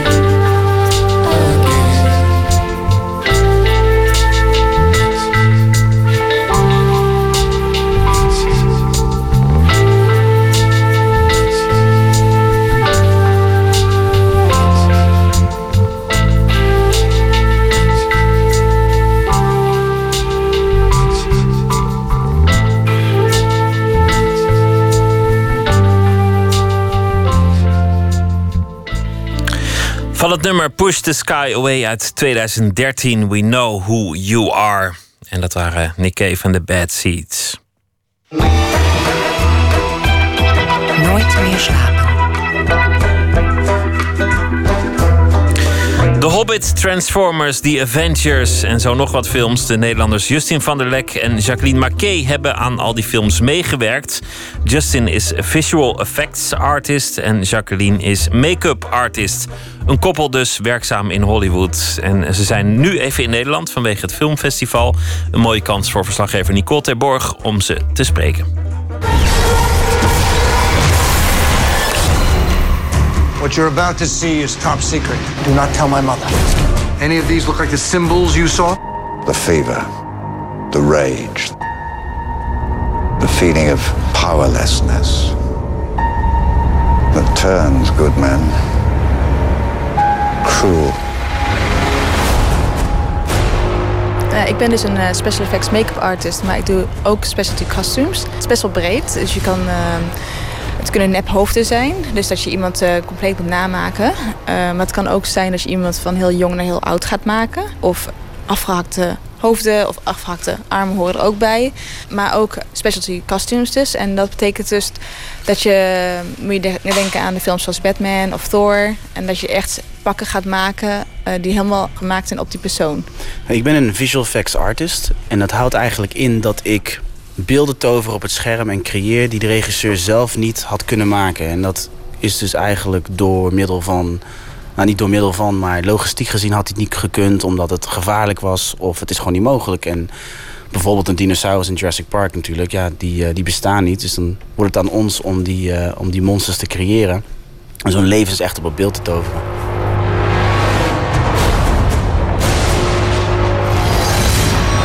De adrenaline die helpt wel, weet je. Want het enthousiasme van de mensen. kom je heen, weet je wel. Gisteren ook. Al die mensen waren zo enthousiast naar het interview ook. Bij de talkshow. En iedereen wil even met je kletsen. Fijn. Dat is leuk, want je hebt dan zoiets van... Je kan echt je... Vertellen. Ik zeg maar, nou, je kan even je carrière een klein beetje vieren. Je kan het delen. En maar daarvoor zijn we er ook inderdaad. We willen dat heel graag met jullie allemaal vieren. Als we zijn nogal achter de schermen altijd bezig. Op de zevende etage van Tivoli Vredeburg. In de foyer met uitzicht op de Utrechtse binnenstad... is Justin van der Lek in gesprek met iemand van het festival... En achter in de ruimte staat zijn vrouw, Jacqueline Marquet, een cameraploeg te woord. Het echtpaar woont en werkt sinds 2006 in de Amerikaanse filmindustrie. Een baan die volgens Justin de nodige flexibiliteit van hem vraagt. Ik kan me nog herinneren tijdens Iron Man ook dat we echt maandenlang aan een scène hadden gewerkt... Wat, wat zich dan in Afghanistan afspeelde. En dan ben je helemaal klaar. En dan zeggen ze van, oh ja, en, ja jullie hebben het af, maar we gaan het niet gebruiken. En toen, ja, dat is balen. En dan in één keer zeiden ze, oh nee, het zit wel weer in de film. Alleen in plaats van nacht moeten we het nu in dag maken. Ik denk dat de, de hele filmindustrie een beetje aan het veranderen is. Daar waar de studio veel meer power heeft dan de regisseur. En ja, ze zijn veel meer films ook aan het testen. En als het niet goed reageert op het publiek of ze vinden dat het niet helemaal goed werkt, dan kan het op het laatste moment nog wel eens helemaal omdraaien. Ik heb bijvoorbeeld voor de film Percy Jackson en The Lightning Thief heb ik uh, twee verschillende eindes moeten maken en helemaal compleet af moeten maken. En dan zouden ze op het laatste moment aan de hand van uh, een, een test audience, zeg maar, gingen ze kiezen welk einde dan zeg maar uh, het beste werkte. Je, op een gegeven moment is het gewoon van, nou ja, zodra je er maar eigenlijk want je voor betaald wordt, dan, dan, ja, dan moet je het maar blijven veranderen, zeg maar. Want ik heb wel vaak gehad dat uh, vooral ook met, met de kostuums, zeg maar, is van, oh, dit moet toch even veranderd worden. Of uh, nee, ik vind het toch niet mooi. En dan moet elke keer opnieuw, elke keer opnieuw. En op een gegeven moment ben je, bent wel natuurlijk goed zat. Ik denk van, hoe vaak moet je het nog opnieuw doen? Hoeveel tijd moet je nog investeren? Maar ja, zodra ze je gewoon, ja, het is toch nog werk. Dus je blijft het toch maar gewoon, ja, toch maar doen.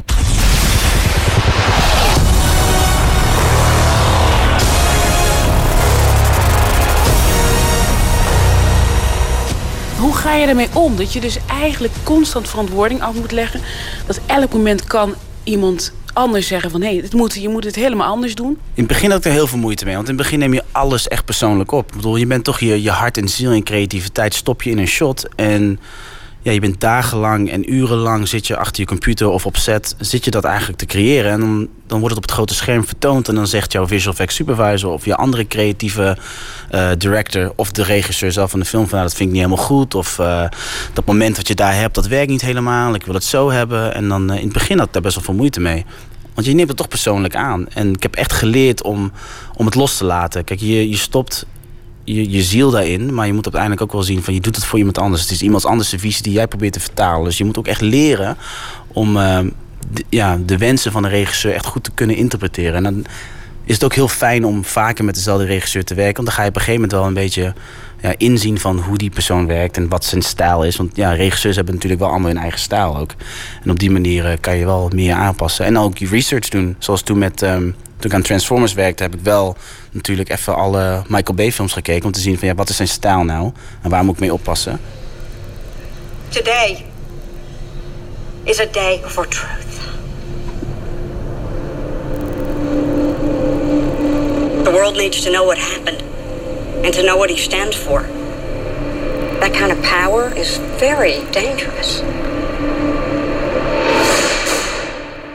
Dit is de film Batman vs. Superman, Dawn of Justice. En ik samen met een team van nou, misschien zeven man hebben we dus het Batman-pak gecreëerd. Ja, wat je hier dus ziet uh, is een, een, ja, muscle suit. Dus dan worden echt de, de muscles uh, nog van tevoren ook gesculpt met klei. En dan weer ook meer mallen van gemaakt en gegoten in foam latex.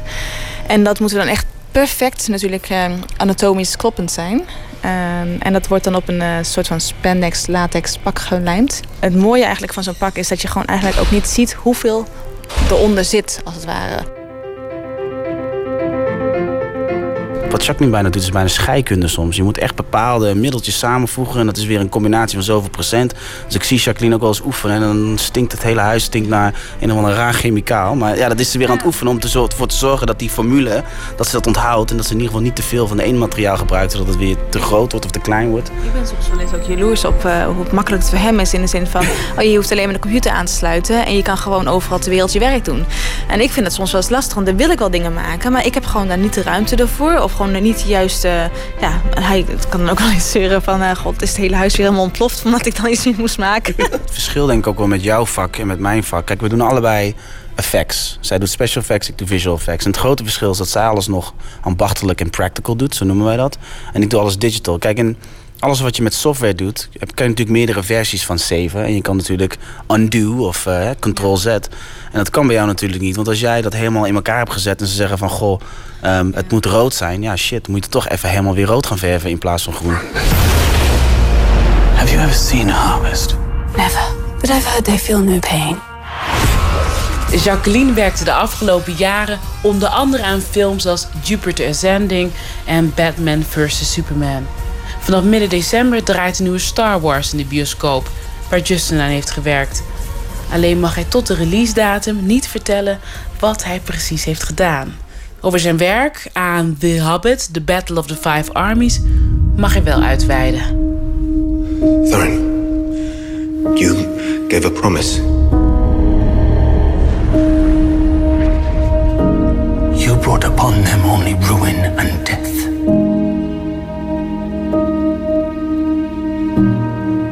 won the mountain, is that not enough?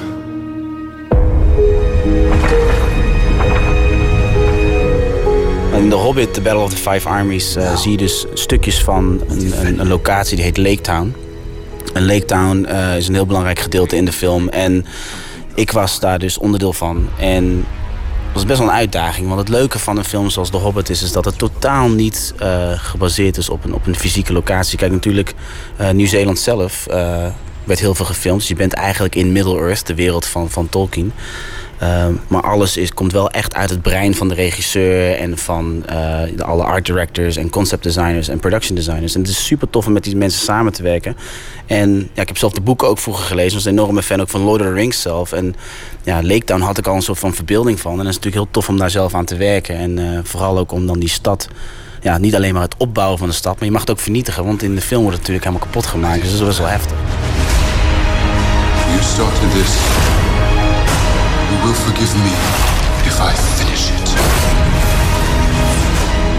Passie vind ik nooit voldoende voor, voor de filmvak. Je moet echt wel een beetje geobsedeerd zijn. Het is bijna een religie.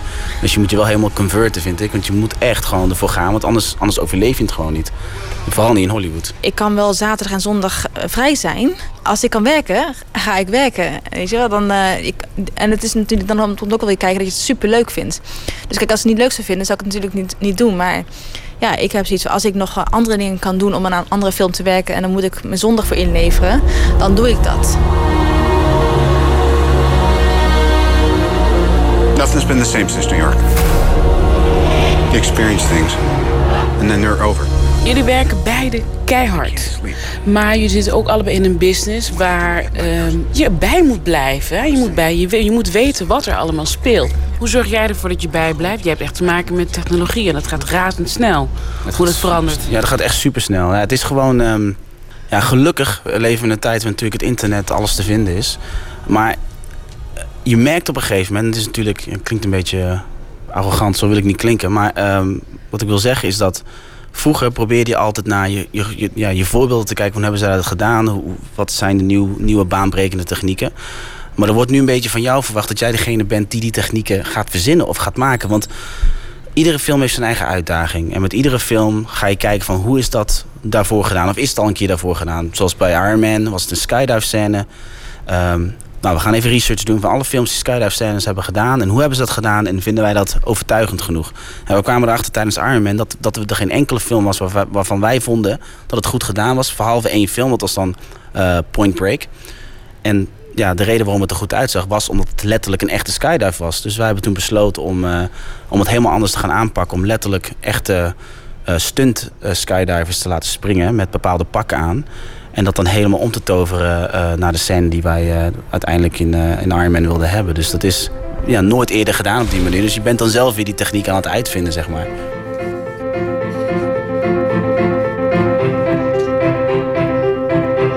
Nicole Terborg in gesprek met Justin van der Lek en Jacqueline Mackay, een koppel in Hollywood werkzaam. Ray Charles, het eh, is altijd mooi om daar even naar te luisteren. Een van zijn mooiste stukken uit 1960, Drown in My Own Tears. It brings a tear into my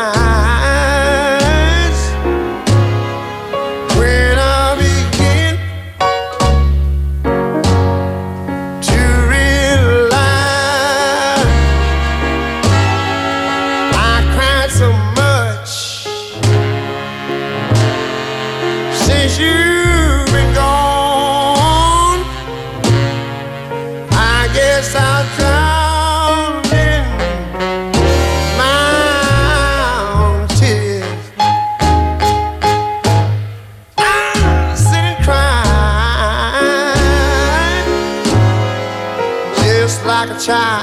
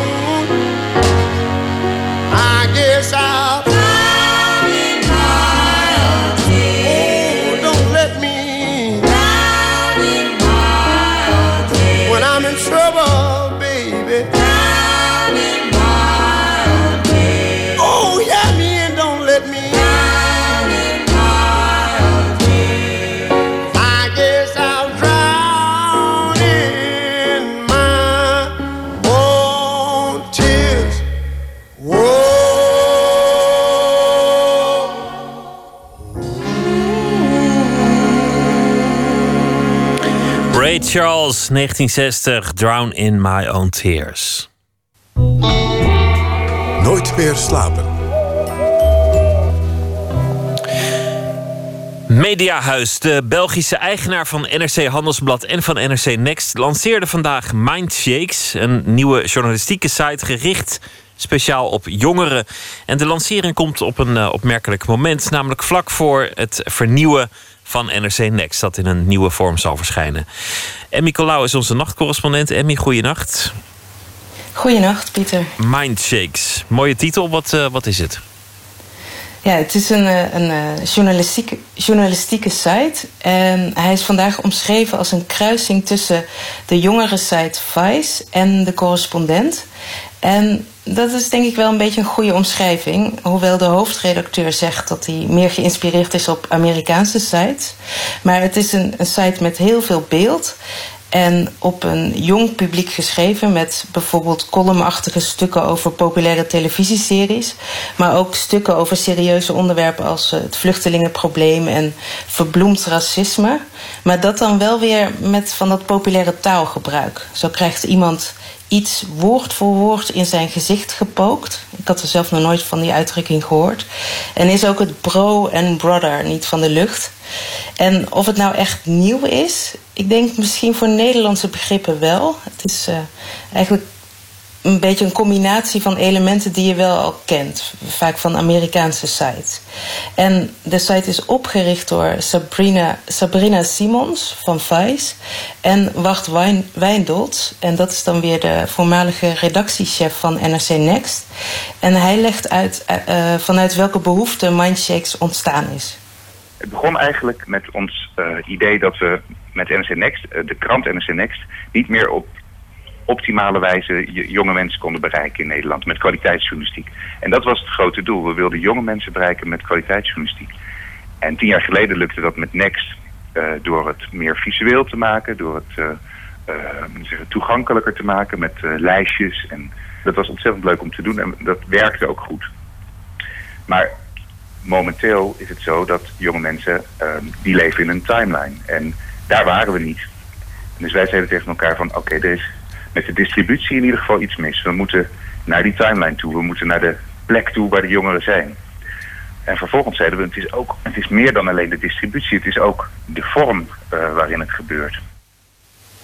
Ja, en zoals het dan gaat, dan gaan ze natuurlijk een soort marktonderzoek doen. En volgens Wijndolz hebben ze heel veel jongeren gesproken over de vraag wat die nou eigenlijk willen. En daar kwam dan uit dat ze één, heel veel video willen zien. Twee, die artikelen dus in een timeline, dus op Facebook of Twitter tegen willen komen. Dat ze serieus genomen willen worden. Dus in het begin hadden ze te veel ja, soort Jip en Janneke taal en dat beviel totaal niet. En er was nog een uh, belangrijker inzicht, volgens Wijndolz. En dat vond ik wel een hele mooie. En toen kwamen we tot het belangrijkste inzicht. En dat was eigenlijk, ze willen geraakt worden. En dat betekent niet veel meer dan dat er, als ze ons lezen, als ze naar ons kijken, dat er iets moet gebeuren in hun hoofd. Zo kwam ook de naam Mindshakes uh, erbij. Er moet iets gebeuren, er moet een emotie ontstaan. Bijvoorbeeld omdat je denkt, hoe kan dit in godsnaam zo uh, zijn? Of uh, ik ben het hier helemaal niet mee eens. Of wauw, dit, moet ik, dit moet ik aan iemand vertellen, want het is heel bijzonder. Dus daar zijn we naar op zoek, naar onderwerpen die ervoor zorgen dat je, dat je eventjes een mindshake krijgt als het ware.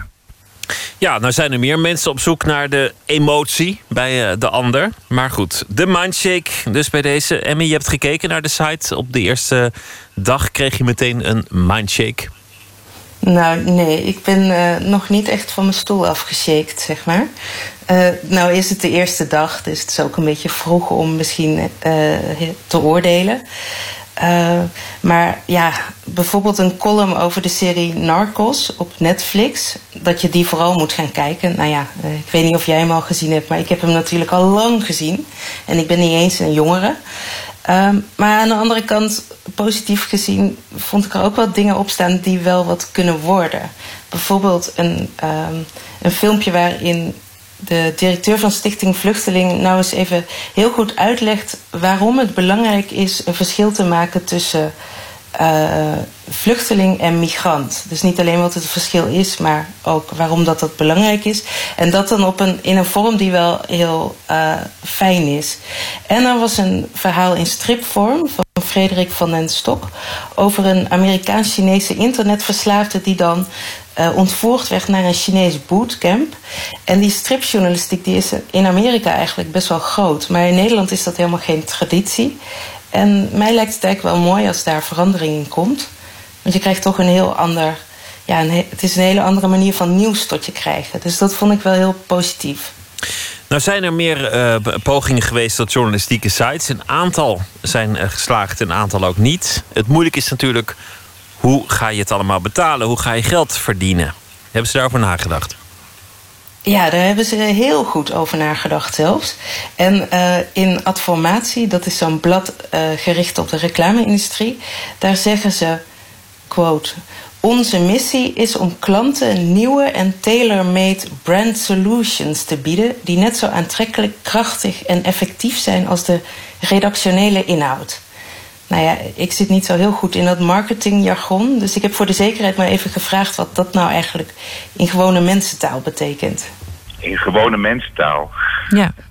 Ja, het is eigenlijk heel simpel. Uh, wij maken met heel veel passie, met heel veel plezier, maken we journalistieke producties. En als we dan uh, uh, een advertentie plaatsen, of een advertorial, of branded content, of native content, hoe je dat allemaal wil noemen. Ik hou het op een advertentie. Als je een advertentie plaatst, dan kun je zeggen van, nou ja, daar hebben we niks mee te maken. En uh, geef maar hier en geef ons het geld. Maar je kan ook zeggen van, nou, laten we kijken in hoeverre we in staat zijn om die advertentieboodschap zo leuk mogelijk te maken. Dus kunnen wij niet een hele leuke video voor je maken? En kunnen wij niet een hele leuke tekst voor je schrijven? Zodat ons platform eigenlijk uh, zowel redactioneel als commercieel voor de gebruiker relevanter wordt en leuker wordt. Dit is toch opmerkelijk, want er was altijd heel veel verzet tegen uitgevers van kranten, omdat de advertentieafdeling absoluut niks te maken mocht krijgen met de inhoud. Er waren redacties altijd heel stellig op, er waren statuten voor. En uh, daar werden ook hele overnames uh, om afgeslagen. Maar hier is de redactie zelf ook meteen advertentieafdeling. Ja, precies. En uh, dat heb ik natuurlijk aan Wijndot gevraagd. En die zegt dat we echt wel kunnen vertrouwen op de integriteit van de journalisten. En dat hij dat ook echt gaat bewaken. En ik vroeg me eigenlijk ook af, naast dit natuurlijk, uh, voor wie dit hele model nou eigenlijk het meest gunstige is. En ik vroeg het aan Piet Bakker van de School voor Journalistiek in Utrecht. Voor gewone advertenties, banners op websites wordt bijna niks betaald. En uit Amerika weten we wel van bedrijven als BuzzFeed... en we zien het ook in Nederland bij Vice bijvoorbeeld... Uh, dat voor uh, het, het, aanleveren van content... Hè, dat je in feite zelf als bedrijf een verhaal laat maken... Hè, want het is de redactie die het verhaal maakt... Dus je de redactie wordt betaald niet alleen maar uh, voor, uh, voor het plaats, die wordt ook betaald, betaald voor het werken. Dus het is een behoorlijk bedrag. Uh, dat levert gewoon veel meer op. dus iedereen is gelukkig. Dat wil zeggen, de redactie is gelukkig omdat ze veel meer krijgen voor zo'n verhaal dan als een, bij een advertentie. En het bedrijf is gelukkig omdat ze in de veronderstelling verkeren dat ze een soort van redactionele inhoud aanleveren. Die ook veel beter gelezen wordt dan, dan een reclamefolder bijvoorbeeld. Uh, de enige die er ja, enigszins bij inschiet is de consument. Die toch uh, af en toe zal denken dat hij met gewoon uh, journalistieke inhoud te maken heeft. Terwijl het in feite reclame is. Ja, nou zegt Wijndels dat hij het integer zal doen. Dat, dat vind ik altijd vermoeiend dat mensen zichzelf de integriteit toestoppen. Hè? Dat ze zeggen, maar we doen het integer. Dat, dat, ja, dat is aan anderen om dat uiteindelijk te oordelen. Hoe weet je als lezer van Mindshakes of je te maken hebt met uh, iets van de redactie of iets van de advertentieafdeling als dat één platform is? Ja, ik uh, was meteen in de war. Want ik dacht dus uh, toen ik dat hoorde van... oh, er zit branded content in. Van, oh, dan is dat dat filmpje van die directeur van Vluchtelingenwerk. Um, maar dat bleek dus niet zo te zijn. Maar de tien redenen om de serie The Leftovers te bekijken. Dat had ik ook gelezen. Maar pas toen ik heel goed ging kijken, zag ik opeens: hé, hey, mede mogelijk gemaakt door HBO. Dus je moet wel opletten. En je wel en uh, een hele goede nacht. Jij ook, dank je.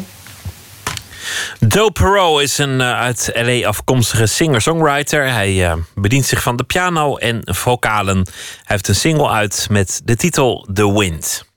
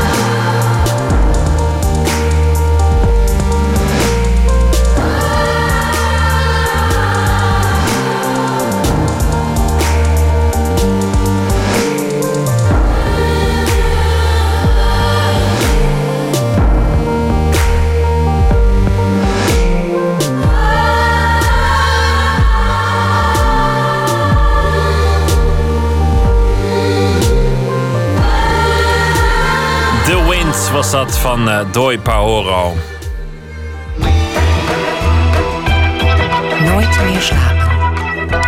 Van Star Wars tot arthouse horror of het historisch epos. De invloed van de Japanse cinema vind je overal in het Westen terug.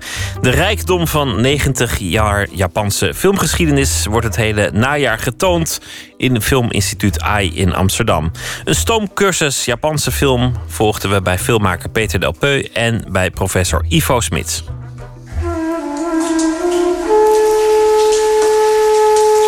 Voor een land dat aan de andere kant van de aarde ligt, met een voor ons onbegrijpelijke taal, heeft Japan een enorme aantrekkingskracht. Zeker op onze filmmakers. Tarantino, Spielberg, Lucas, allemaal in de ban van de Japanse cinema. En dat wordt allemaal mooi getoond in Filminstituut AI. Dit hele najaar is een groots overzicht van de mooiste Japanse films. De liefde voor Japan is al heel erg oud. Maar of we het land onderhand beter begrijpen, lijkt soms wel de vraag. Japan lijkt vanaf hier bekeken soms een soort droom. Eigenlijk is dat ook natuurlijk wat Japan zo, zo leuk maakt. Namelijk dat je heel makkelijk je eigen Japan kan creëren. U hoort filmmaker Peter Delpeut. Hij verfilmde zijn Japan in Felice Felice. Een romance die zich afspeelt in 19e eeuws Nagasaki. Nou, dat was sowieso het, uh, het, het, het, wonderlijke proces van Felice Felice maken... die we helemaal in een Amsterdamse studio hebben opgenomen. En ik ook altijd zei van... ik ben eigenlijk een soort Japanist... En ik zit in de voetsporen van, van Van Gogh, die ook nooit in Japan is geweest, maar die toch via de prenten het gevoel had dat hij iets van het Japanse idee van de wereld weergeven in zijn schilderijen liet terugkomen. En ook heel fanatiek Japanse prenten uh, verzamelde.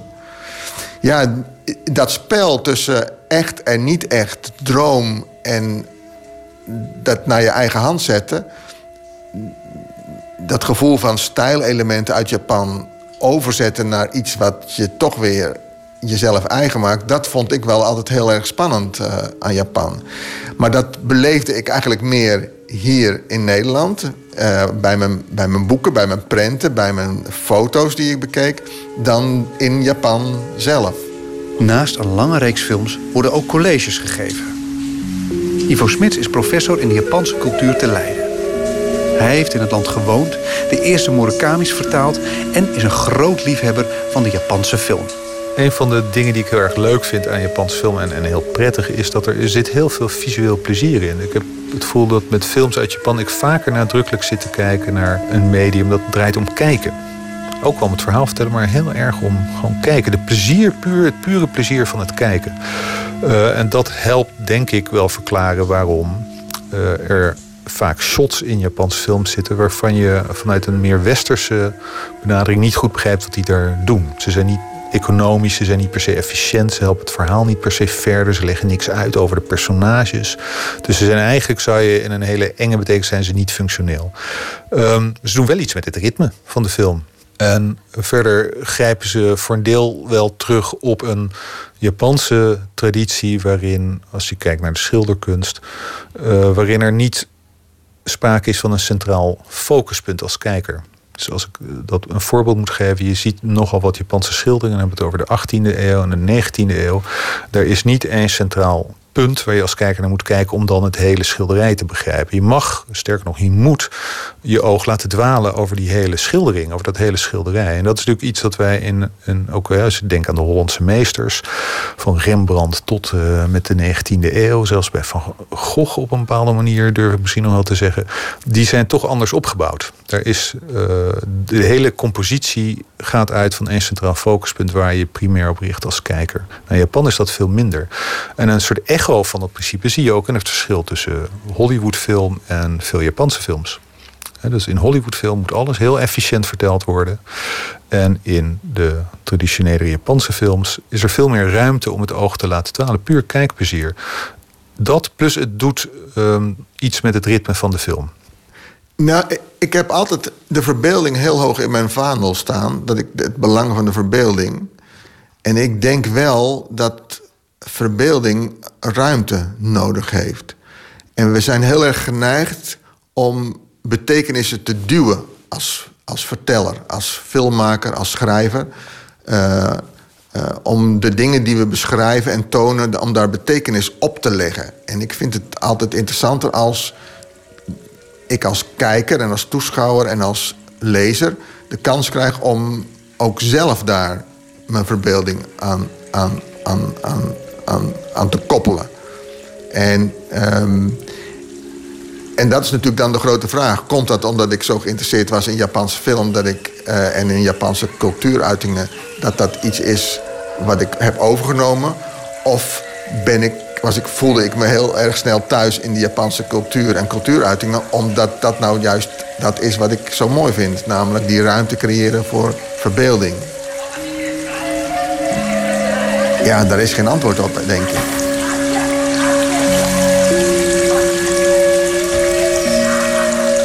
Dus ja, dat is, ben ik bang, de paradox. Dat je aan de ene kant moet je iets vreemd vinden om, er, om het ook aantrekkelijk en spannend te vinden. En dan vervolgens uh, moet het leiden tot herkenning, denk ik. Als, als dat niet lukt, dan heb je wel uh, gewoon een probleem. Dan, dan blijf je het aapjes kijken.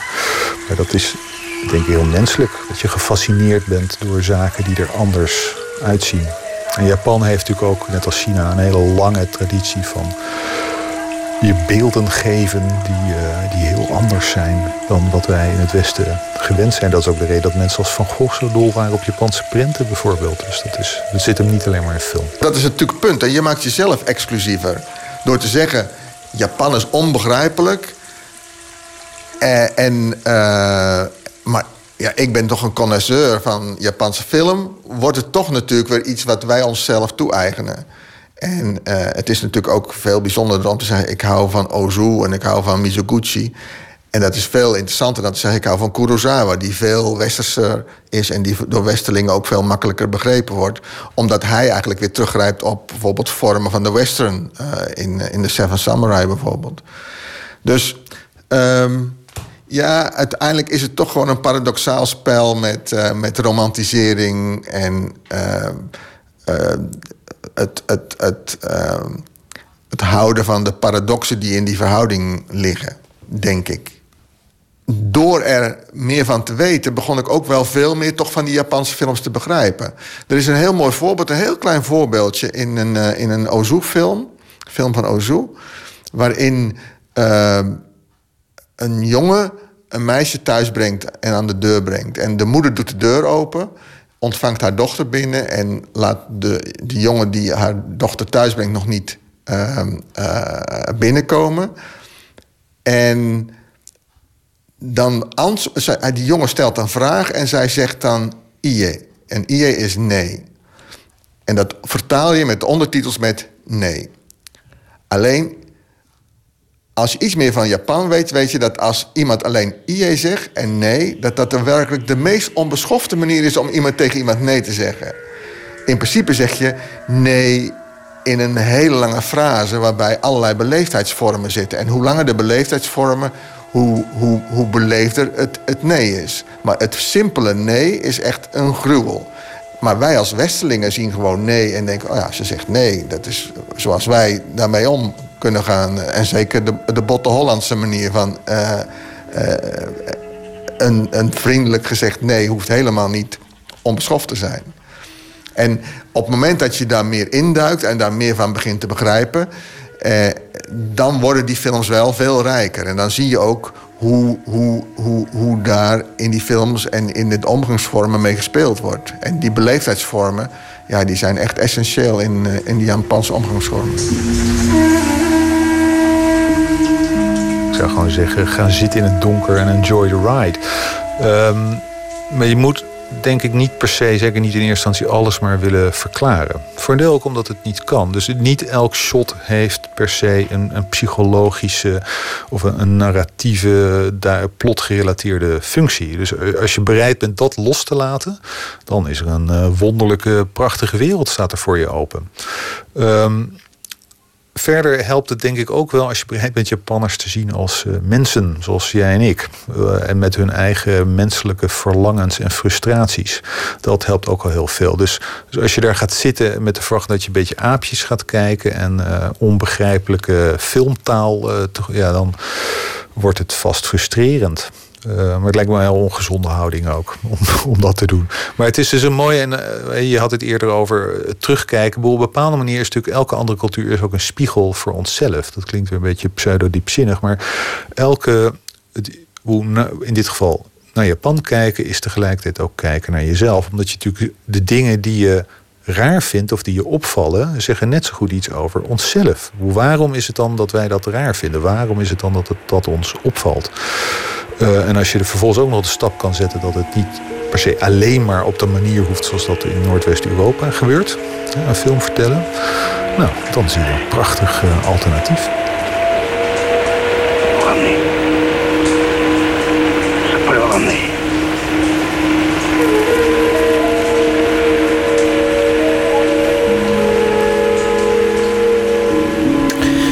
Filmmaker en schrijver Peter Delpeu en professor Japanse cultuur uit Leiden Ivo Smits waren dat over uh, de rijkdom van de Japanse film. Meer informatie over het uh, programma in AI kunt u vinden via ifilm.nl. Een bijdrage van Maarten Westerveen was dat.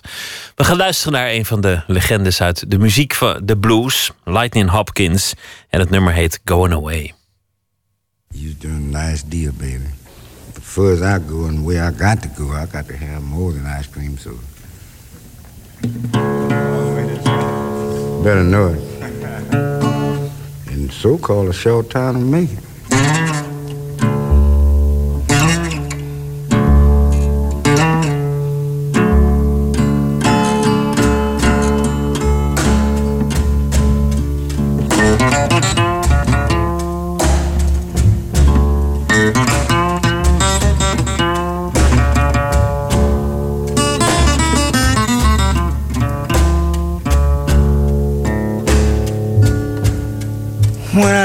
My home this morning, you know I left my little baby crying.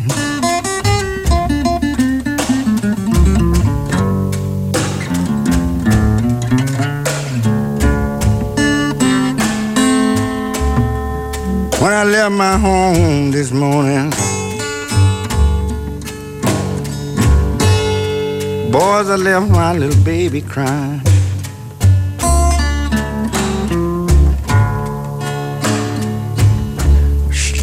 She says, Yonder go, go, Lord have mercy. Yonder goes that loving man of mine.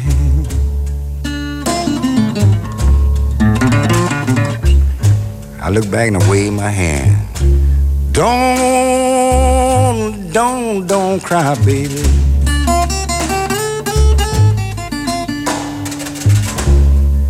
Your daddy will be home one day.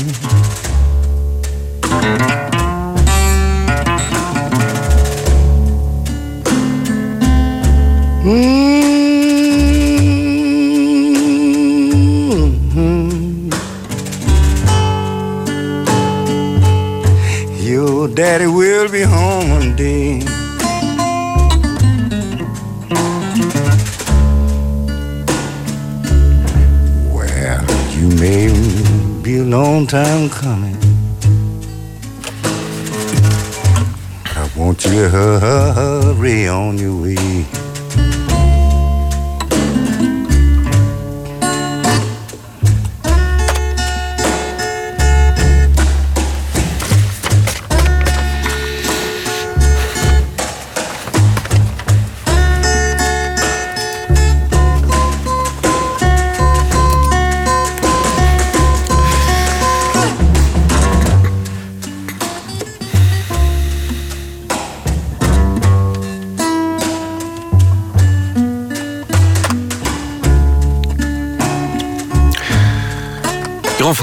Het NOS Journaal.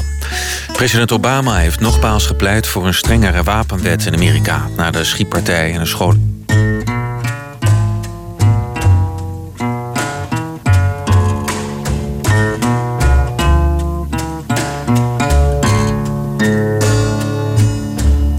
She said, you know, the blues gonna hit me in the evening. Then I'm gonna sit on the side of my bed and cry.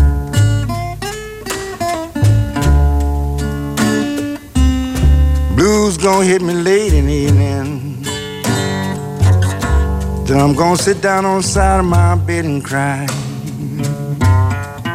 I said, how you know? She said, I'm gonna tell you exactly how I know. I've already got the tears in my eyes.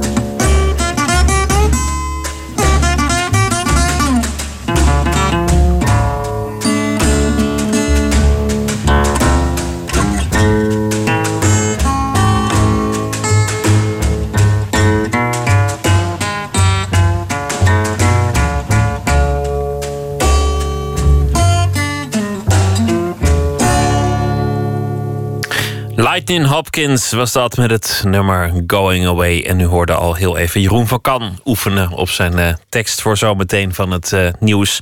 Omdat uh, iemand ergens was vergeten een knopje in te drukken of uit te drukken. We krijgen nog poëzie. Lisbeth Lagemaat die leest deze week elke nacht een gedicht voor ons. En ze heeft nu gekozen voor een Engelse dichter, Dante Gabriel Rossetti. En het gedicht dat zij leest heet Dantes Duisternis.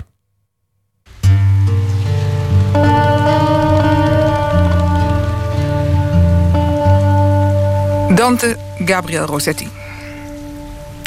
In 2004 zag ik een expositie van zijn werk in het Stedelijk Museum in Amsterdam.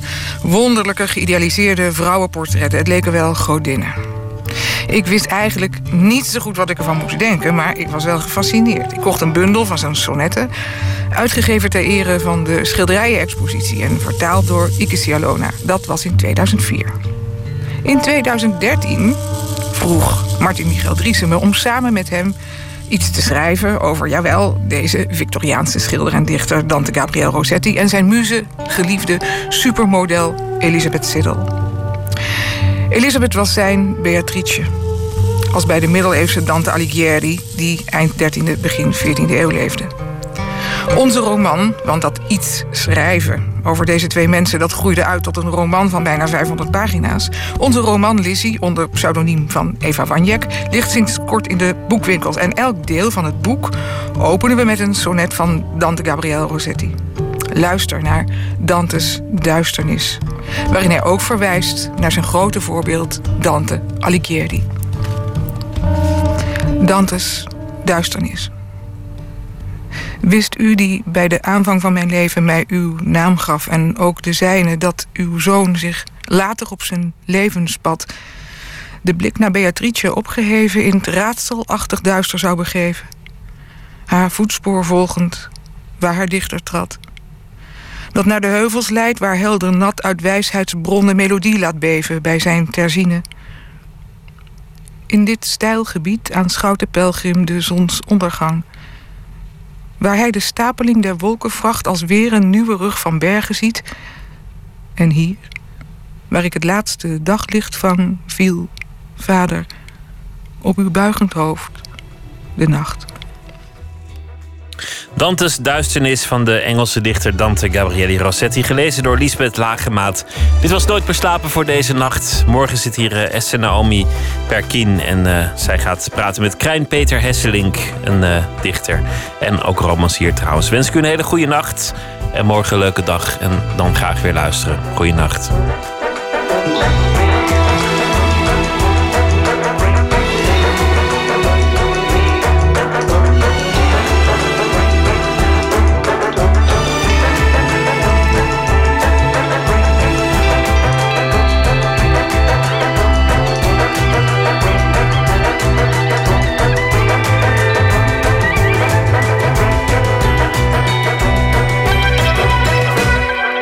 Radio 1. Het nieuws van alle kanten.